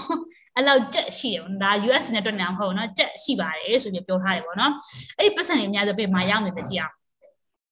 အဲ့ဒီပတ်စံတွေကအခုလောလောဆယ်မှာဆိုဘန်တွေမှာသူတို့အတိုးနဲ့ယူပြီးတော့စီနေတာအများကြီးရှိတယ်ပေါ့နော်အဲ့လိုမျိုးရှိနေသလိုစီးပွားရေးလုပ်ငန်းတွေမှာလည်းလဲပတ်နေတယ်ပေါ့နော်အဲ့ဒီပတ်စံတွေက money circulation တော်တော်များစီးပွားရေးလုပ်ငန်းမှာလည်းပတ်နေတာလည်းရှိနေတာမဟုတ်လဲဘန်မှာမျိုးအတိုးသေးပေါ့နော်အဲစည်ရင်သေးလို့သူတို့ခေါ်တယ်ပေါ့နော်အဲ့ဒါအငွေနေလည်းရှိတာလည်းဖြစ်ကောင်းဖြစ်မယ်ပေါ့နော်အဲ့လောက်အမောက်ရှိရပေါ့နော်အကြမ်းမြင့်နေတဲ့ဒါ general idea ရလို့ရအောင်ပေါ့နော်အမှန်မှန်တော့အဲ့ဒါလေးကိုပြောချင်တာပါဒီဟာကတော့နောက်မှလည်းဆရာဒီတခြားဟာလေးဒီတကယ်လို့တကွာဒီတေးသိချင်နေဆိုဒါလေးတော့ဖတ်ကြည့်ပေါ့နော်ညီမနိုင်ငံမှာနဲ့ပတ်သက်တဲ့ဟာလေးဒီသူရဲ့ဒီ report တွေရှိရှိရောလည်းပြန်ဖွင့်ကြည့်လို့ပေါ့နော်ရှိသေးလားမရှိသေးလားတော့မမှတ်မိတော့ဘူး ဒါပေမဲ့ဒါတွေကမြန်မာနိုင်ငံရဲ့အကြောင်းပိုစိတ်ဝင်စားတဲ့လူတွေသွားပြီးတော့ကြည့်တင်တယ်လို့မြင်ပါတယ်လို့เนาะအဓိကမြန်မာနိုင်ငံရဲ့ financial sector စိတ်ဝင်စားလူတွေပေါ့နော်အဲ့လိုမျိုးတွေဒီမှာတစ်ချက်တော့ကြည့်ပါအဲ့ slide တွေကလုံးကိုစုထားပေးတယ်ပေါ့နော်အဲ့ sorry IMF ကသူလုပ်ထားတဲ့ slide တွေပေါ့နော်မြန်မာနိုင်ငံနဲ့ပတ်သက်တဲ့ဒီ monetary policy ကစမဘာဘယ်လိုလုပ်နေလဲဘာလဲပေါ့နော်တကယ်လို့စိတ်ဝင်စားလူတွေပါရှင် LS ရဲ့ဒီဒီ LS school ရဲ့ဒီ ပုံမှန်ဆိုဒီဟာရှားအလုပ်ချုပ်တယ်ငါဘယ်လိုသွားလို့ရလဲပြောပြပေးမယ်တကယ်လို့တကယ်လို့ဗီဒီယိုကြည့်နေလို့ရတဲ့ပေါ့နော်ဥစားပေးပြောတာ LS ရဲ့ဒီ school site မှာ blog ဆိုတာလေးရှိရပေါ့နော်ဒီ blog လေးကိုနေလိုက်ရင်ခုန LS ရဲ့ဒီ blog ကိုရောက်လာမယ်ပေါ့နော်ဒီဟာပုံမှန်ဆို LS ရဲ့ကအားလုံးဒီထဲမှာရှိရပေါ့နော်ကိုက ခုနကမျိုး article ပဲစိတ်ဝင်စားဒီ LS no school ဆိုရွေးလိုက်ပေါ့ရွေးပြီးတော့မှဒီမှာအများကြီးရှိပါတယ်ဒီ article တွေပေါ့နော်ခုနကဖွင့်ပြတဲ့ article ကဘာလဲဆိုတော့ဒီငွေတန်တရားဆိုတဲ့ article ပေါ့နော်စိတ်ဝင်စားရင်ပို့ပြီးဖတ်ကြပါလို့ဒါကကိုမြန်မာနိုင်ငံအကြောင်းပေါ့နော်ကိုသိသိပါတယ်လို့ဟုတ်ပြီလားခေတ်အဲ့ဒါပဲ let's ပြောကြအောင်အောက်ကဟာမသွားသေးဘူးအောက်ဟာနောက်မှရန်ဆိုင်နိုင်လည်းပြောပြမယ်ပေါ့နော်အကြမ်းပြောပြမယ်ဆိုရင်ဒီ amount of money in circulation က double ပြောတယ်ပေါ့နော်တကယ်လို့ဒါခုနကဆို9ဂရေပဲထားပါတော့နော်အကြမ်းမြင်မှတ်လိုက်မယ်ပေါ့နော် if the amount of money in circulation were to double ခု9ဂရေနဲ့10ဂရေမီလီယံပေါ့နော်ထားပါအကြမ်းမြင်မှတ်9ဂရေနဲ့10ဂရေပြောင်းလိုက်ရင်ဘာပြောလဲပေါ့နော်ဒီ theory ကဘာပြောလဲဆိုတော့တဲ့ everyone would make twice as much money လူတိုင်းတွေကလည်းသူတို့ပတ်စံတစ်ပတ်ရလာမယ်ပေါ့ပြောနေတာကိုကအရင်က1000 1000ရတယ်ဆိုရင်ကိုက2000ရလာမယ်ဘာဖြစ်လို့လဲ circulation မှာ double ဖြစ်နေပြီအဲ့လိုဆို2000ရလာမယ် my salary just double ပေါ့နော်ကိုရဲ့ income ကတစ်လကို3သိန်းရနေပြီးတော့3သိန်းဖြစ်လာမယ် bad everything would cost twice as much ပြောချင်တာကွာတခြားပစ္စည်းတွေလည်းကလုံးနဲ့စတက်လာလူက wish ကတက်လာလေလေကော်ပစ္စည်းတွေရဲ့ inflation ကလည်းမြင်နေမှာမဟုတ်ဘူးသူကလည်းတက်လာမှာပြောချင်တာငါငါကတော့ငါ salary ကတော့အာ2သိန်းဖြစ်သွားပြီဒါပေမဲ့အဲ့2သိန်းကလည်းပစ္စည်းတွေကအရင်က3သိန်းနဲ့ရတဲ့ပစ္စည်းတွေဝယ်ချင်မှဝယ်လို့ရတာမှာဟုတ်တယ်ဟုတ်တကယ်ပစ္စည်းအခုလက်ရှိမှာလဲသူ salary တက်တဲ့အချိန်မှာပစ္စည်းဈေးတွေကလည်းတက်နေပါပဲလားအဲ့လိုမျိုးပြောချင်တာကွာဒီမှာဆို neutrality ရဲ့အကြောင်းဘာပြောလဲဆိုတော့ တကယ်လည်းပတ်စံများများထုတ်လိုက်တိုင်းလဲပေါ့နော်တခြားဟာပတ်စံများလာလေတခြားပစ္စည်းတွေလည်းများလာပါလေအဲ့လိုဆိုတော့ပတ်ဆက်ရင်းများနေကိုဝဲတာပတ်ဆက်များလို့ကိုဝဲများဝဲလို့ရတယ်ဆိုတာမျိုးမရှိဘူးပေါ့နော်အဲ့ဒါမျိုးပြောချင်တာမြင်လားမသိဘူးပို့ရှုပ်သွားတာဘယ်လိုမြင်လဲပါတယ်သူကပတ်စံချောစီပဲဆိုတော့ချောစီပဲလိမ့်ထုံနေဘာတူးမလို့လားကားကားမှာဆိုရင်တက်စီပါထည့်ပြီးတကယ်အလုပ်လုပ်ပြအောင်လေချောစီလိမ့်ထုံလို့လဲ ဟိုပဲချောတော့မယ်ရှိတော့ true true true လက်တင်တာကွာ neutral ဖြစ်တယ်ဆိုတဲ့အကြောင်းပြပြရပေါ့နော်ပတ်ဆက်အများကြီးထုတ်လိုက်လို့ကို solution ဖြစ်မှနေဆိုတဲ့အကြောင်း one of the reason အဲ့ဒါပေါ့နော်ပတ်ဆက်အများကြီးထုတ်လိုက်ရင်ပတ်ဆက်အများကြီးရှိလာတဲ့နဲ့အများဒါဆိုကုန်ပစ္စည်းတွေကကွာထုတ်လာတာ limited ဖြစ်တယ် process အဲ့လိုမျိုးဆိုတော့လေသူပစ္စည်းတွေကလည်းဈေးတွေကလည်းလိုက်တက်လာမှာလို့ဆိုတော့ what's the point ပေါ့နော်အဲ00ပဲ0 neutral ဖြစ်နေတယ်ဘာမှမပြောင်းပါဟုတ်တယ်ဟုတ်ဆက်ကြည့်အောင် from this perspective changes in the value of dollar are as irrelevant ဖြစ်တာဒေါ်လာရဲ့ value change တာပေါ့ irrelevant ဖြစ်တယ်ဆိုတာဘာမှဒီမှာဆိုဘာသာဘယ်လိုပြန်ရမလဲဆိုရင်อืมအရေးမပါတာပုံစံမျိုးပေါ့နော်မဆိုင်တာလို့ပြောလို့ရတယ်ပေါ့နော် as changing the definition of a food to be 6 instead of 6 inch instead of 12ပေါ့နော်ကိုကဒီမှာသူပြောချင်တာကွာကိုကအရင်တော့6 6ပေကနေပြီး12ပေဖြစ်လာတဲ့ပုံစံမျိုးထက်အဲ့မျိုးပေါ့နော်ကိုရက်ရှိလာတဲ့ဒီဒေါ်လာဈေးတက်လာတယ်မဆိုင်ဘူးပြောလို့ရတယ်ပေါ့နော်တို့က တူညီတဲ့အရာမျိုးမဟုတ်ဘူးနော်တက်လာတိုင်းကောင်းတာမဟုတ်ဘူး။များထုတ်လေကောင်းတာမျိုးမဟုတ်အရက်ရှည်တာများလေကောင်းတယ်ဆိုပေမဲ့လေဒေါ်လာပတ်စံပဲလူတက်လာတာကောင်းတာမျိုးဟုတ်ချင်မှာဟုတ်ဒေါ်လာဈေးတက်လာလေပစ္စည်းဈေးလေကုန်လိုက်တက်လာတာပဲလေဟုတ်တယ်ဟုတ်ပြောချင်တာအရင်တော့ဒေါ်လာ1000ဒေါ်လာတစ်ချက်က1000ဆိုတော့အချိန်မှာဝယ်လို့ရတဲ့ဟာတွေကလည်းအေးအေးအေးနိုင်သွားတယ်ဗောနော်အခုဒေါ်လာ1000 6600ဖြစ်လာတယ်ဆိုတဲ့အချိန်မှာလေသူ့ဈေးကလည်းအေးတိုင်းလိုက်တာပဲလေပြောချင်တာဒီကြောက်လေတက်တာမဟုတ်တခြားသူ့ကိုလိုက်တက်မဲ့လူတွေအများကြီးရှိရပါဘူးသူတက်လိုက်တက်မဲ့လူတွေအများကြီးရှိရဆိုတဲ့အကြောင်းကိုပြောတာဗောနော်ဆိုတော့ not really differentiate ဘာမှဖြစ်မနေဘူးခုနမင်းထပ်ပြောရတဲ့သဘောကြတော့ခုနပြောတယ်ပဲလေ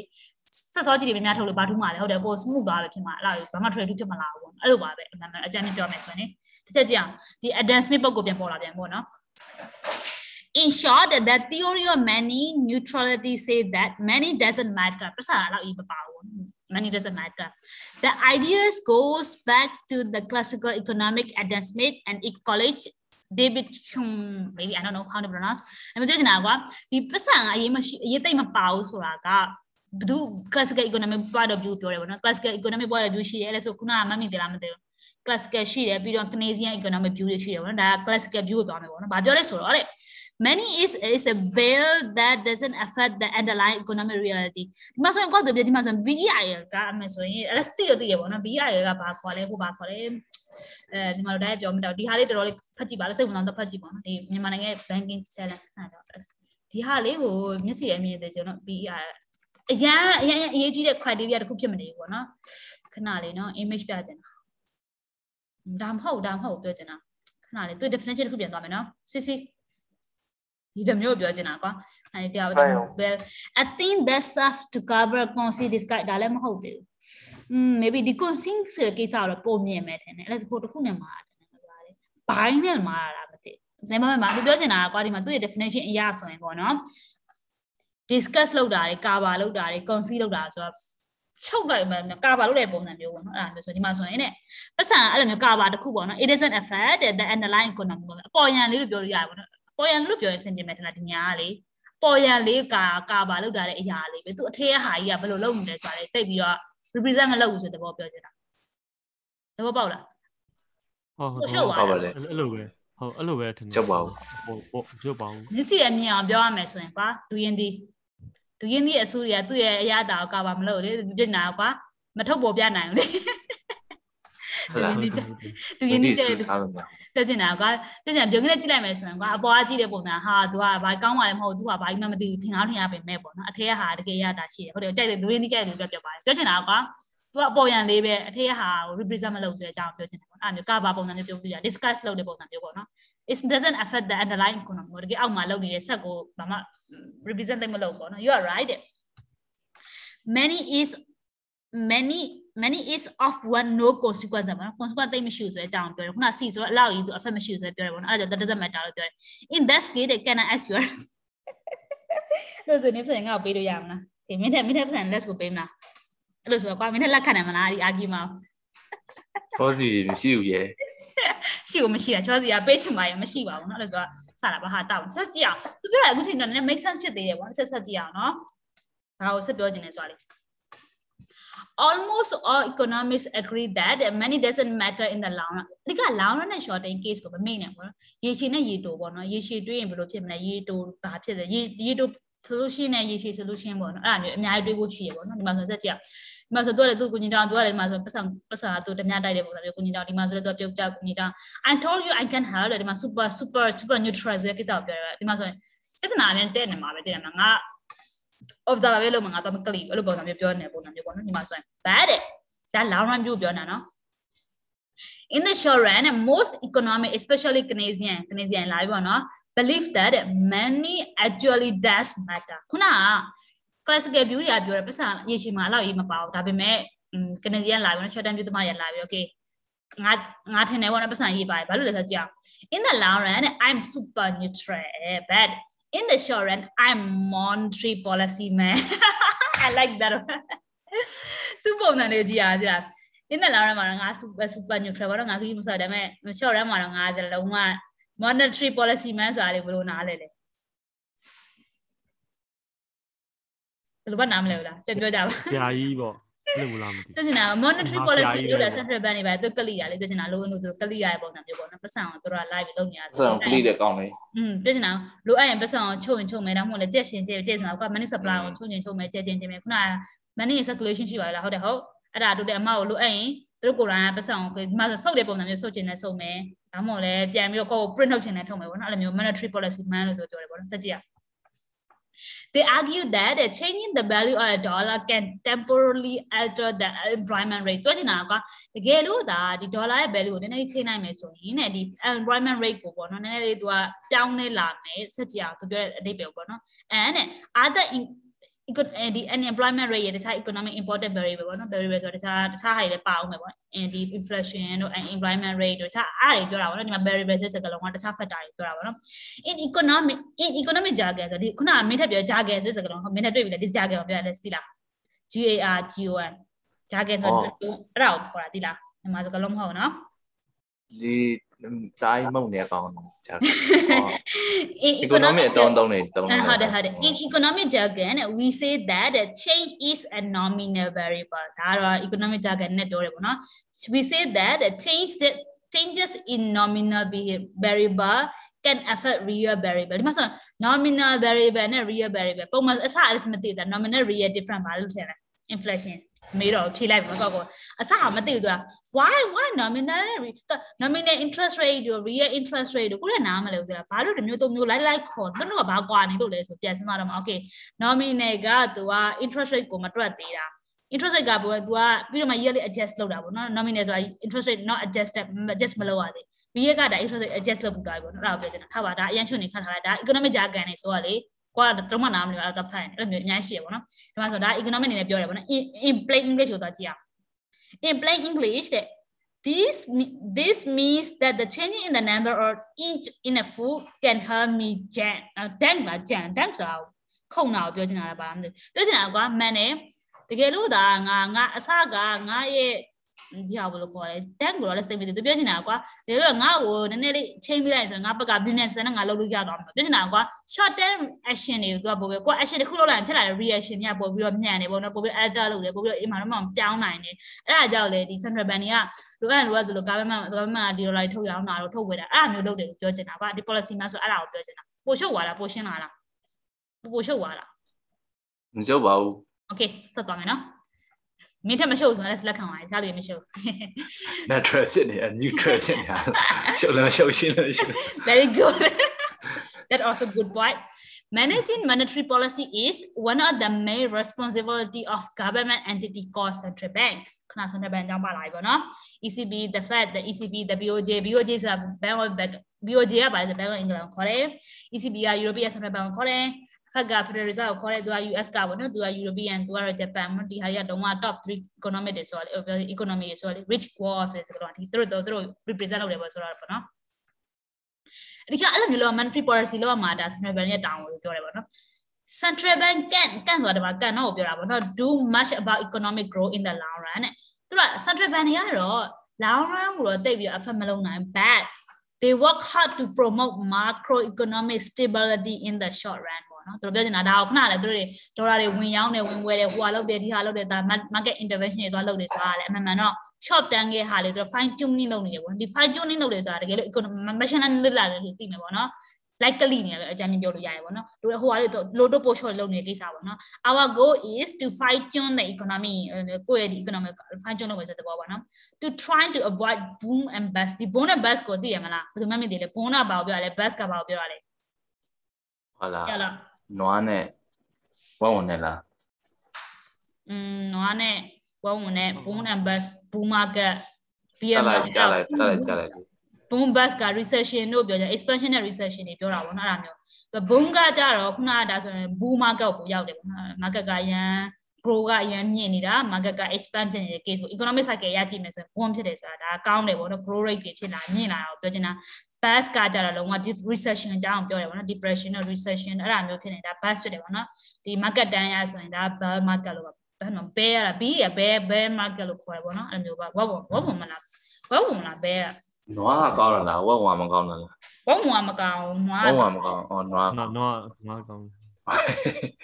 ဟာပါပြနေတာကွာအဓိကဒီဟာဆိုဒီဒီ chapter မှာအဓိက central bank ရဲ့အကြောင်းလာပြီပေါ့နော်ပြီးရင်လည်း central bank လာပြီဆိုရင်ပြီးခုန article ပြန်သွားမယ်ပေါ့နော် to see how central bank work imagine a sick economy that is stuck in the doldrum doldrum ကဘာပြောချင်တာပြောချင်တာကွာ economy ပြဿနာပေါင်းတန်တယ်တနည်းမှလိုက်ကွာအဲ့လိုဆိုတော့ investment is down employment is down this worst party ever ပြောချင်တာက everything is down they have to do something to change the short term effort ပေါ့နော်ပြောချင်တာအခုလက်ရှိမှာဖြစ်နေတာတခု change ဖို့လို့ဆိုရင်တစ်ခုမှတစ်ခုလုံးဝ action တစ်ခုလုံးမှာ reaction ဖြစ်လာမှာအဲ့ဒါဆို action တစ်ခုမဟုတ်တော့လောက်အောင်ဘာ action လုပ်လို့ဆိုကြည့်အောင်အဲ့လိုမျိုးဖြစ်လာဖို့ဆိုရင် the central bank can မဆို stimulus package လို့ခဏခဏကြားပါလားအဲ့ဒါဆိုဒီ stimulate ကိုပြောတာပေါ့နော်ဆွပေးရပုံစံမျိုးလေး the central bank can stimulate this economy by increasing the money supply အဲ့ဒါကြောင့်လေဒီ covid ဖြစ်တော့လေ ဒီ US government ကသူတို့တွေဒီ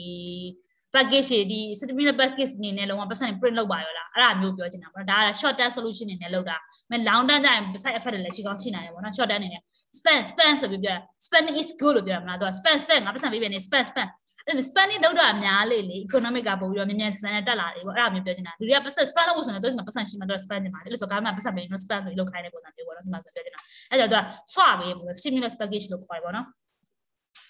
this give businesses and consume consume this this give တော့ပြောချင်တာကွာစီးပွားရေးလုပ်လို့လေပတ်မှုရှိလာတယ်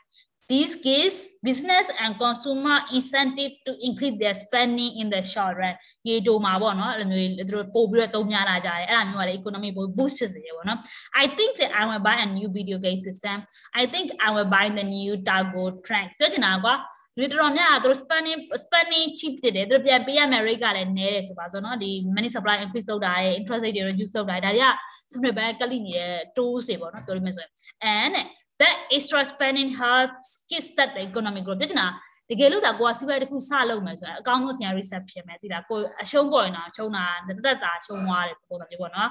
အဲပြောချင်တာတို့က failure is cheap လို့တို့ခေါ်ကြရပါတော့ time တစ်ခုရှိတယ်တကယ်လို့ကိုက ကိုစီးပွားရေးတစ်ခုစချင်နေဆိုရင်ဒီ reception မှာစပါတော့အဲ့ဒီအချိန်မှာကိုကိုရဲ့ failure ဖြစ်တဲ့ဒီ cost ကအဲ့လောက်ညှို့ဆိုပြောတဲ့စကားလုံးတွေလည်းရှိတယ်ပေါ့နော်ပြောနေတာ तू က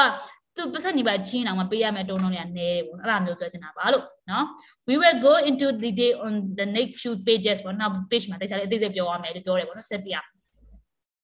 on the flip side ဒါနောက်တစ်ခုနဲ့မြင်မယ်ဆိုရင်ပေါ့နော် imagine a bubble economy ဒီမှာဆိုတော့ဒါ down ပေါ့နော်ဒါ bubble economy is growing too fast ပြတင်တာဒါလုံးဝ grow ကအရန်မြင့်နေ expansion အရန်အရန်ရောကြောက်စရာနေပါဖြစ်နေတယ်ဆိုတာဒါနဲ့လက်လည်းနဲ့တော့ကြောက်ရတော့မယ်ဟုတ်တယ်အဲ့လို scenario မျိုးမှာဆို तू तू သူ့ပုံကြည့်သိရတယ်ပေါ့ဒီမှာဆိုရင်ပတ်စံဝင်ပြီးဖြတ်တာဒီမှာဆိုရင်ပတ်စံနေပြန်ပြီးတော့ဆောက်ယူလိုက်တဲ့ပုံစံမျိုးပေါ့နော် The central bank can put the brake on this economy by decreasing the money supply ပေါ့ဒီဟာဆိုရင်ကွာကျုပ်မယ်ချက်မယ် elasticity ဆိုတာကိုပြောတာပေါ့နော် ကျုပ်တဲ့ကျုပ်ချင်တဲ့နေရာမှာကျုပ်နေချက်နေတဲ့နေရာမှာကျုပ်နေ economy ရဲ့ current performance ပေါ်မူတည်ပြီးတော့ချုပ်တာရေးကျဲတာတော့လောက်အောင်မလို့တောင်းပေါ့နော်ဆိုတော့ဘယ်တောင်းပေါ့နော်လို့ဆိုတော့နိုင်ငံတကာနိုင်ငံဆန်တဲ့ဘက် play very important role ပေါ့အရင်ရရေးပါပါတယ်လို့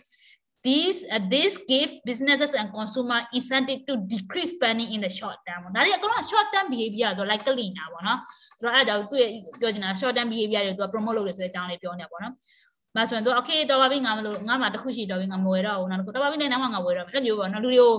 လူတွေကိုအခုမသုံးမနဲ့တို့ရဲ့ဒီမျိုး time preference ကိုရွှေ့လိုက်တယ်ငါအခုမသုံးတော့ပါဘူးလေနောက်မှသုံးတော့မယ်အခုအခုချိန်နဲ့ဟာကိုလူတွေမသုံးသေးခြင်းလည်းမျိုးလုပ်တယ်ပေါ့နော်သုံးသေးခြင်းလည်းခုနကလိုမျိုးလုပ်တယ်ပေါ့နော်မျိုးပေါ့နော်ပြောချင်တာကိုရီးယားကိုထင်တာကို decision ကိုကိုချလို့ထင်ကောင်းထင်မိမဲ့လေကိုလာပြီးတော့ကျိုးရုပ်လို့ဆွဲနေတဲ့နေရာကြီးအများကြီးရှိတယ်ဆိုတဲ့အကြောင်းလေးမှတ်ထားပါတော့ central bank လည်း one of the factor one of the one of the thing ပေါ့နော်ကိုမသိပဲနဲ့ကိုလုံးဝကိုအနောက်မှာကို control လုပ်နေတဲ့အရာလေးတွေပေါ့နော် ဒါကိုယ့် spending behavior ကိုလာပြီးထိန်းချုပ်နေရပဲလေဟုတ်တယ်ဟုတ်အဲ့လိုမျိုးအများကြီးရှိတယ်ပေါ့အဲ့ဒါတွေတွေးသိချင်ပါတယ်လို့ and that reduce spending help bring the economy run back under control ပေါ့နော်အဲ့လိုမျိုးကိုကအဲ့လိုမျိုးနည်းနည်းကိုကို smooth ဖြစ်လာတယ်ပို slow down နည်းနည်းဖြစ်လာတယ် our job is to take away the punch ball just as the party get going ပေါ့အဲ့လိုပုံစံမျိုးပြောတာပေါ့နော်ပြောချင်တာအကြမ်းပြောမယ်ဆိုရင် အရန်ဆိုးနေလဲဝင်ထိန်နေအရန်ကအရန်အရန် extreme ဖြစ်နေဟိုဟိုဘက် extreme ဒီဘက် extreme သူက equilibrium ဖြစ်အောင်လာထိန်ပြီးတဲ့ job ကသူက in the middle ပေါ့နော် middle man balance စာပုံစံမျိုးဟုတ်တယ်ဟုတ်အဲ့ဒါမျိုး ecosystem အဲ့မျိုး balance ဖြစ်အောင်လုပ်ပေးနေတဲ့အရာလို့မြင်ရမယ်ပေါ့နော်ဒါဆိုတော့ဘက်တွေကနောက်တစ်မိနစ်သွားအောင်နော်ဒါစနေမြန်မြန်လေးသွားပေးနေတယ်နောက်တစ်ခုရှိတယ်ပေါ့နော် of course the central bank doesn't literally use helicopter and တခုနပြောသလိုပေါ့နော်ခုနဟာမျိုးတွေမသုံးပါတော့ဒီစုပ်ဆက်တွေတို့ဒီ helicopter တွေမသုံးပါတဲ့ဘာတွေသုံးလို့ကြည့်အောင် but but because they would be awesome ဒါတော့ပြင်လာအဲ့လိုမျိုးတော့ပုံမိုက်မယ်ဆိုတော့ပေါ့နော် instead they change the money supply the open market operations ဆိုတာခဏခဏကြားရမယ်ဒီလား open market operations ဆိုတာဒါ central bank နေပြီး market လာပြီး operation လာလုပ်နေတာလာကလိနေ internet လာလုပ်နေအဲ့လိုပုံစံမျိုးပေါ့နော် manipulate လာလုပ်နေအဲ့လိုပုံစံမျိုးပြောလို့ရတယ်ပေါ့နော်လာပြီးတော့ဒါထိနေတာ open market operation ဆိုတဲ့စကားလုံးစာကြည့်လာ US မှာဆိုတာဒါ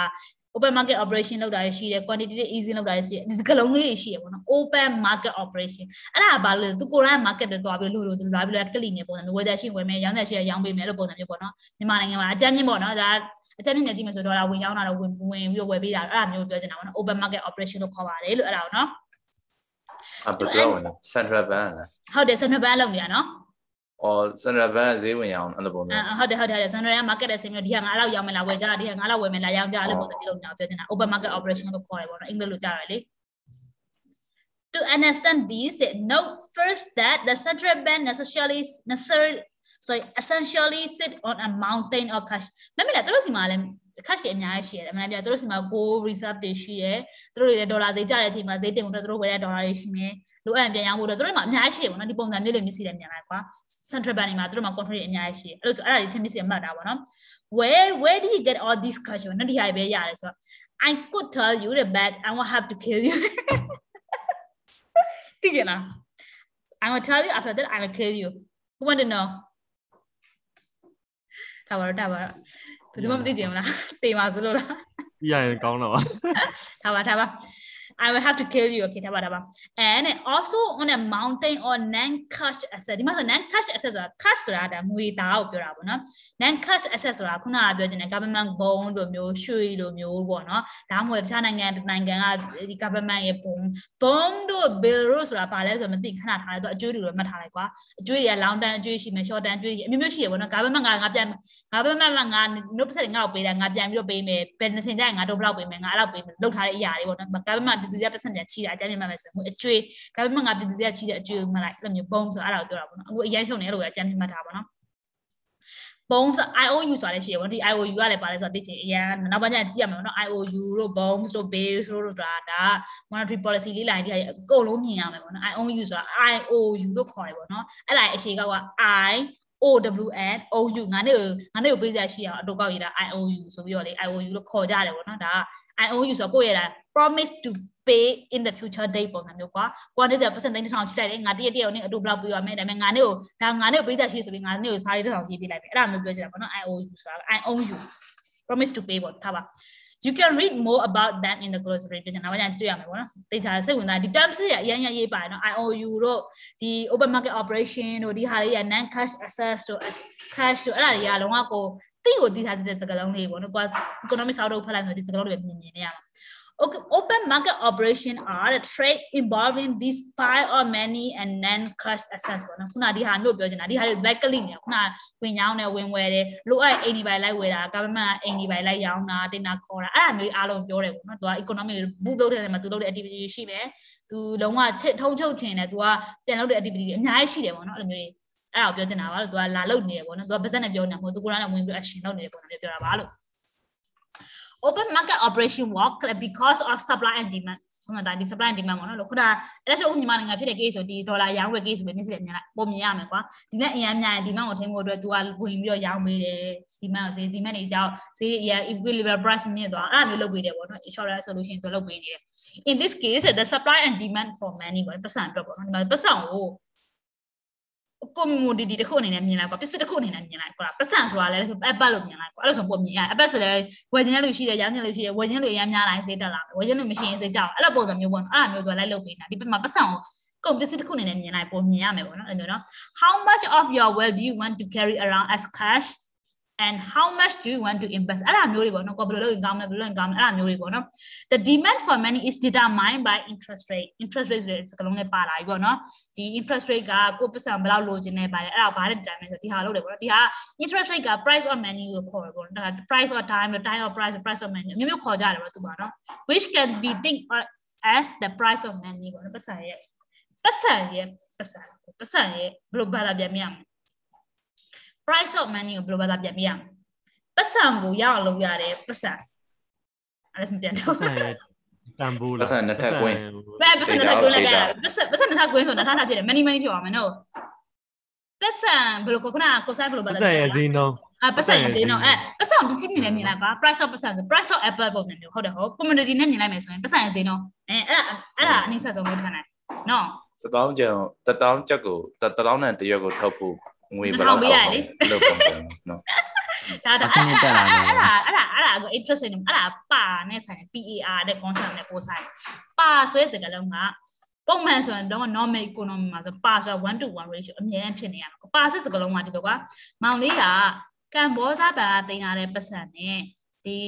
ADR တော့ထုတ်တဲ့ပတ်စံပဲဖြစ်ဒါမှမဟုတ်လည်း KP ရထုတ်တဲ့ပတ်စံတိုက်တဲ့ခါတော့ around 1 to 1 ratio ပြမယ်။မောင်လေးကမ်ဘောဇာဘန်မှာရှိတဲ့တစ်ချက်ကတခြားနေရာမှာတစ်ချက်ပဲဖြစ်နေတယ်။အဲ့လိုမျိုးမဟုတ်ဘူးနော်။မောင်လေးကကမ်ဘောဇာစီမှာ1000ရှိတဲ့ဟာကို cash အနေနဲ့ပြန်လိုက်တဲ့ခါကျမှ1000ပြရမယ်စား1000မဖြစ်ပဲနဲ့800ပဲဖြစ်လိုက်ဒါပါ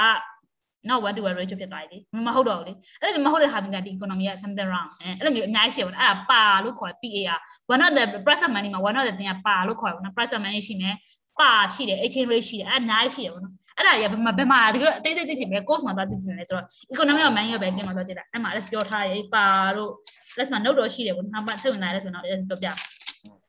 ဒီပါပါဟိုပါနဲ့တူလားပါတန့်တာလည်းပါနော်နော် let's ပြ let's ဟောနော်မျက်စိလည်းမြင်သွားလို့နော်ဒါမင်းထက်ကဟိုဆိုးမှအဲ့အဲ့စကလုံးပဲလားလို့ဒီဟာဒီဟာဟုတ်တော့ပါတန့်လိုက်လားဆိုဒီဟာဒီပါဒီရပါอืมအဲ့ဒါပြောတာကွာ ခတိပါ value ပါပါကိုပြောတာကွာဘယ်လိုပြောရမလဲอืมတကယ်နောက်မှ LS ဒီ course ထဲမှာရှိတယ်ဗောနော်ဒီဒီဒီ course တွေတော့ကြည်လိုက်အဲ့မှာ LS အဲ့အကြောင်းပြောထားတယ်အဲ့ဒီနောက်ပိုင်းကျအဲ့ course ကိုလည်းဆက်လုပ်မယ်ဗောနော်ဒီမှာ connect micro ပြီးသွားအဲ့ course ကိုသွားလုပ်ဖို့အစီအစဉ်ရှိရဗောနော်အဲ့ course မှာအခုတုံထားတဲ့ဒီဘာခေါ်လဲအခုတုံထားတဲ့ ခုန open market operation တို့ IOU တို့အဲ့ဒါတွေအကုန်လုံးအကုန်လုံးဒီဒီမှာဆွေးနွေးမယ်ပေါ့နော် SD ဟာကိုပြန်လုပ်ဖို့ second round ပြန်သွားမယ်ပေါ့နော်ဒီမှာအကုန်လုံးအကုန်လုံးဆွေးနွေးထားတယ်ပေါ့နော်ဒီဟာနဲ့ပတ်သက်ပြီးတော့သူကဒီမှာလေဒီ full price of money ပေါ့ဒါတွေချက်ဖွင့်ပြမယ် miss ရမြအောင်လို့နော် one second oh so sorry ဒါ login မလုပ်ထားဘူး login မလုပ်ထားဘူး sign in sign in sign in wait wait ကို school ကိုဆို login ဝင်တတ်တဲ့ဘောက sorry ပါ one second နော် ဒီမှာဆိုရင်ဒီ full price of money ပေါ့နော်ခုနကလည်းဆို price of money တောင်ပြောနေနေတခါလေးထပ်ပြောလိုက်ပေါ့နော်အဲ့လည်းဆိုနည်းနည်းတော့အချိန်တော့ယူလိုက်ပြဿနာမရှိဘူး for price of money for price of money one second နော် let's start ပြန်သွားပြင်မယ်အဲ့လည်းဆို enroll လုပ်ပြီးတော့ဆိုရှာလိုက်ရုံ okay one second economy economy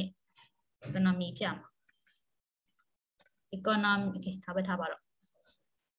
ဒီဟာပေါ့နော်ဘယ်က wide လဲဘယ်က wide လဲဒီမှာပေါ့နော်ခုန force price of money ဆိုတဲ့ဟာတစ်ချက်တော့ကြည့်အောင်နည်းနည်းအတန်တော့မဖွင့်တော့အတန် slide လေးကိုပဲလည်းနည်းနည်းပြကျင်လို့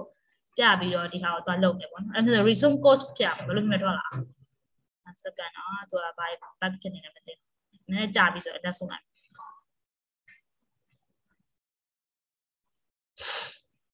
ဒီဟာ ino as economic class ခုလုပ်တယ်ပေါ့နော်လုပ်တော့တော်တော်များမလိုက်နိုင်ကြတယ် stop လုပ်လိုက်တယ်ဆိုတော့နည်းနည်းခတ်တော့လေ မလိုက်နိုင်တော့ okay okay we gonna start from the beginning ဆိုပြီးတော့ပေါ့နော်ဒီ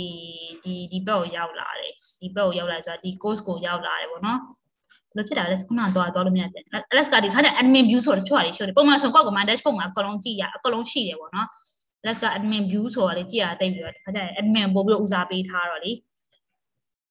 ခုနကလည်းဆို full price of money တောင်းသွားတယ်ပေါ့နော်အဲ့ဒါတစ်ချက် LS ဖွင့်ပြဆလို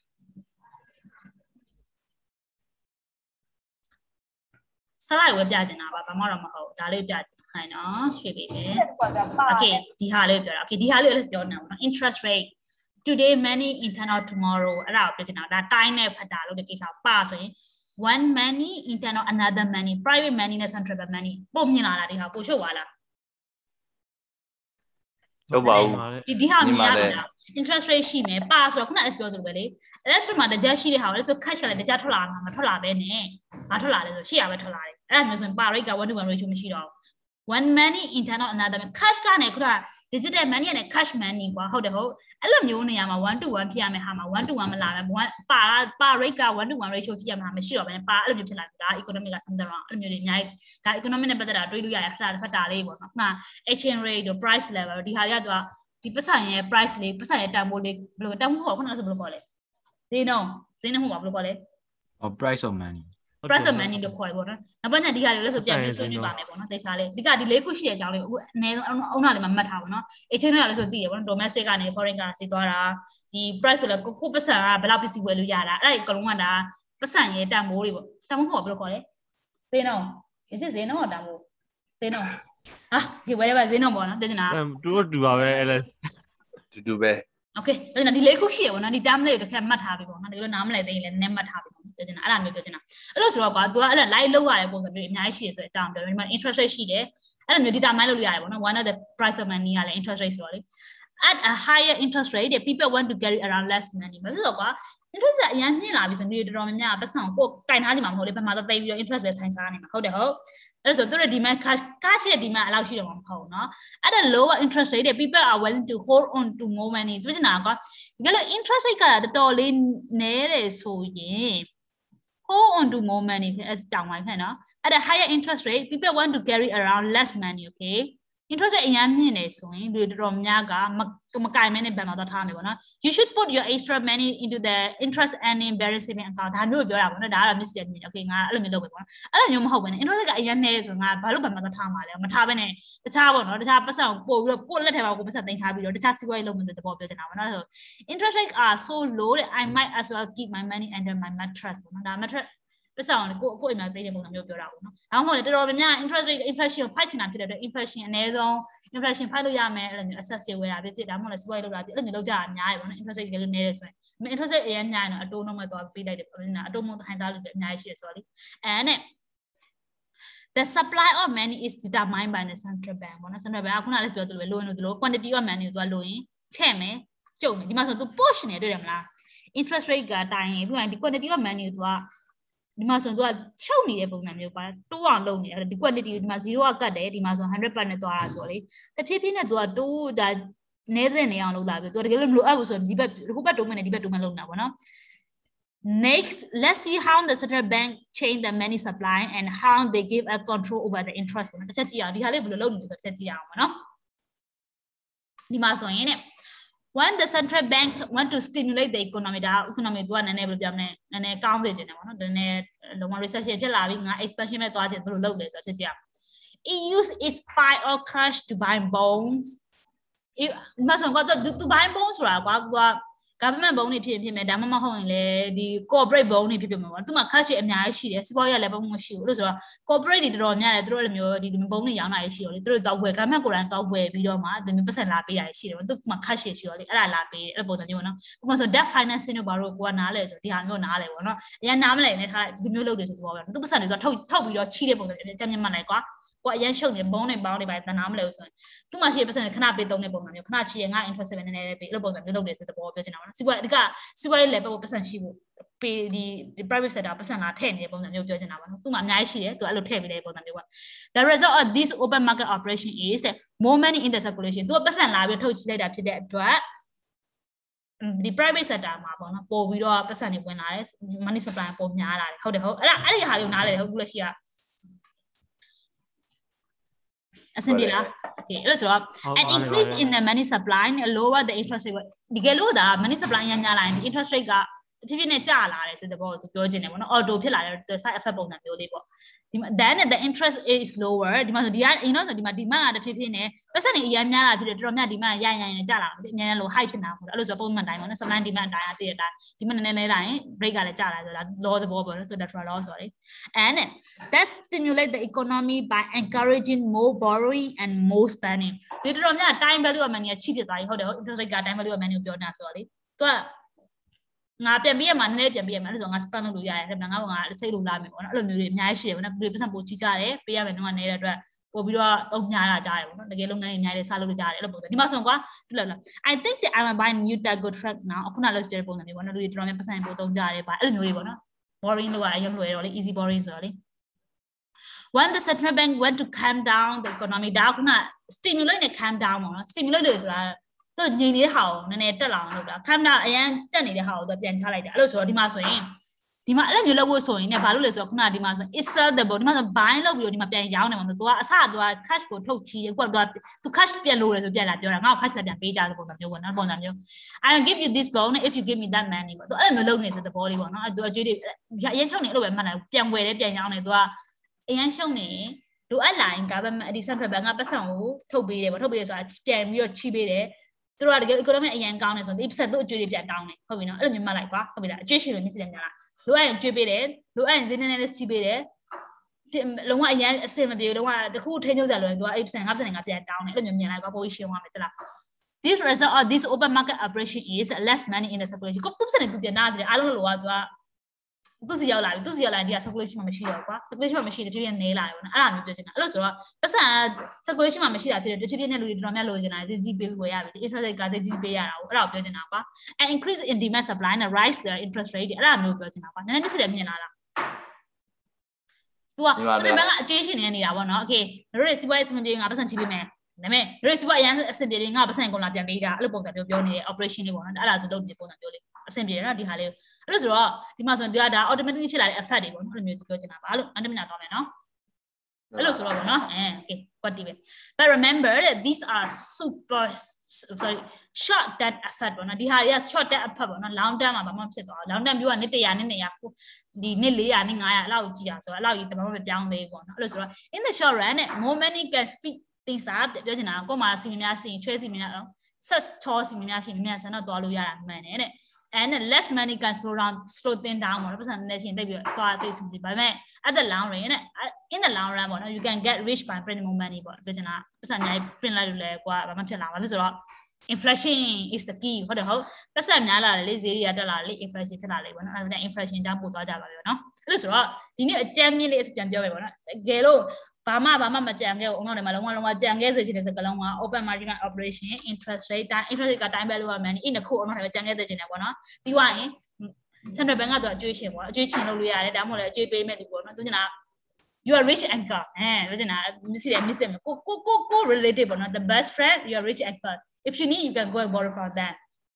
if they ask you have to give back အဲ့လိုပုံစံမျိုးသိရမလား the best scenario ပြောပါတယ်အဲ့လိုမျိုးလေးပေါ့နော်အဲ့ဒါတစ်ချက်မှတ်သိချင်ပါတယ်လို့ဒီကသူ့ရဲ့ role က economy balance လုပ်ပြီးပေါ့နော်လိုလို့လို့ချုပ်ရင်ချုပ်ချင်လည်းချုပ်ပေးမယ်လို့ချုပ်ဖို့လိုအပ်လာရင်ချုပ်ပေးမယ်ချန့်ဖို့လိုအပ်လာရင်ချက်ပေးမယ်ပေါ့အဲ့ဒါပါပဲဒီနေ့ lesson ကတော့တခြားလူတွေကတော့နည်းနည်းနေကုန်းချုပ်ပါအောင်ဒီနေ့ lesson လေးလေဟုတ်မင်းထပ်ပြောပါဟုတ်ကဲ့အဲ့လိုချုပ်ကြပါ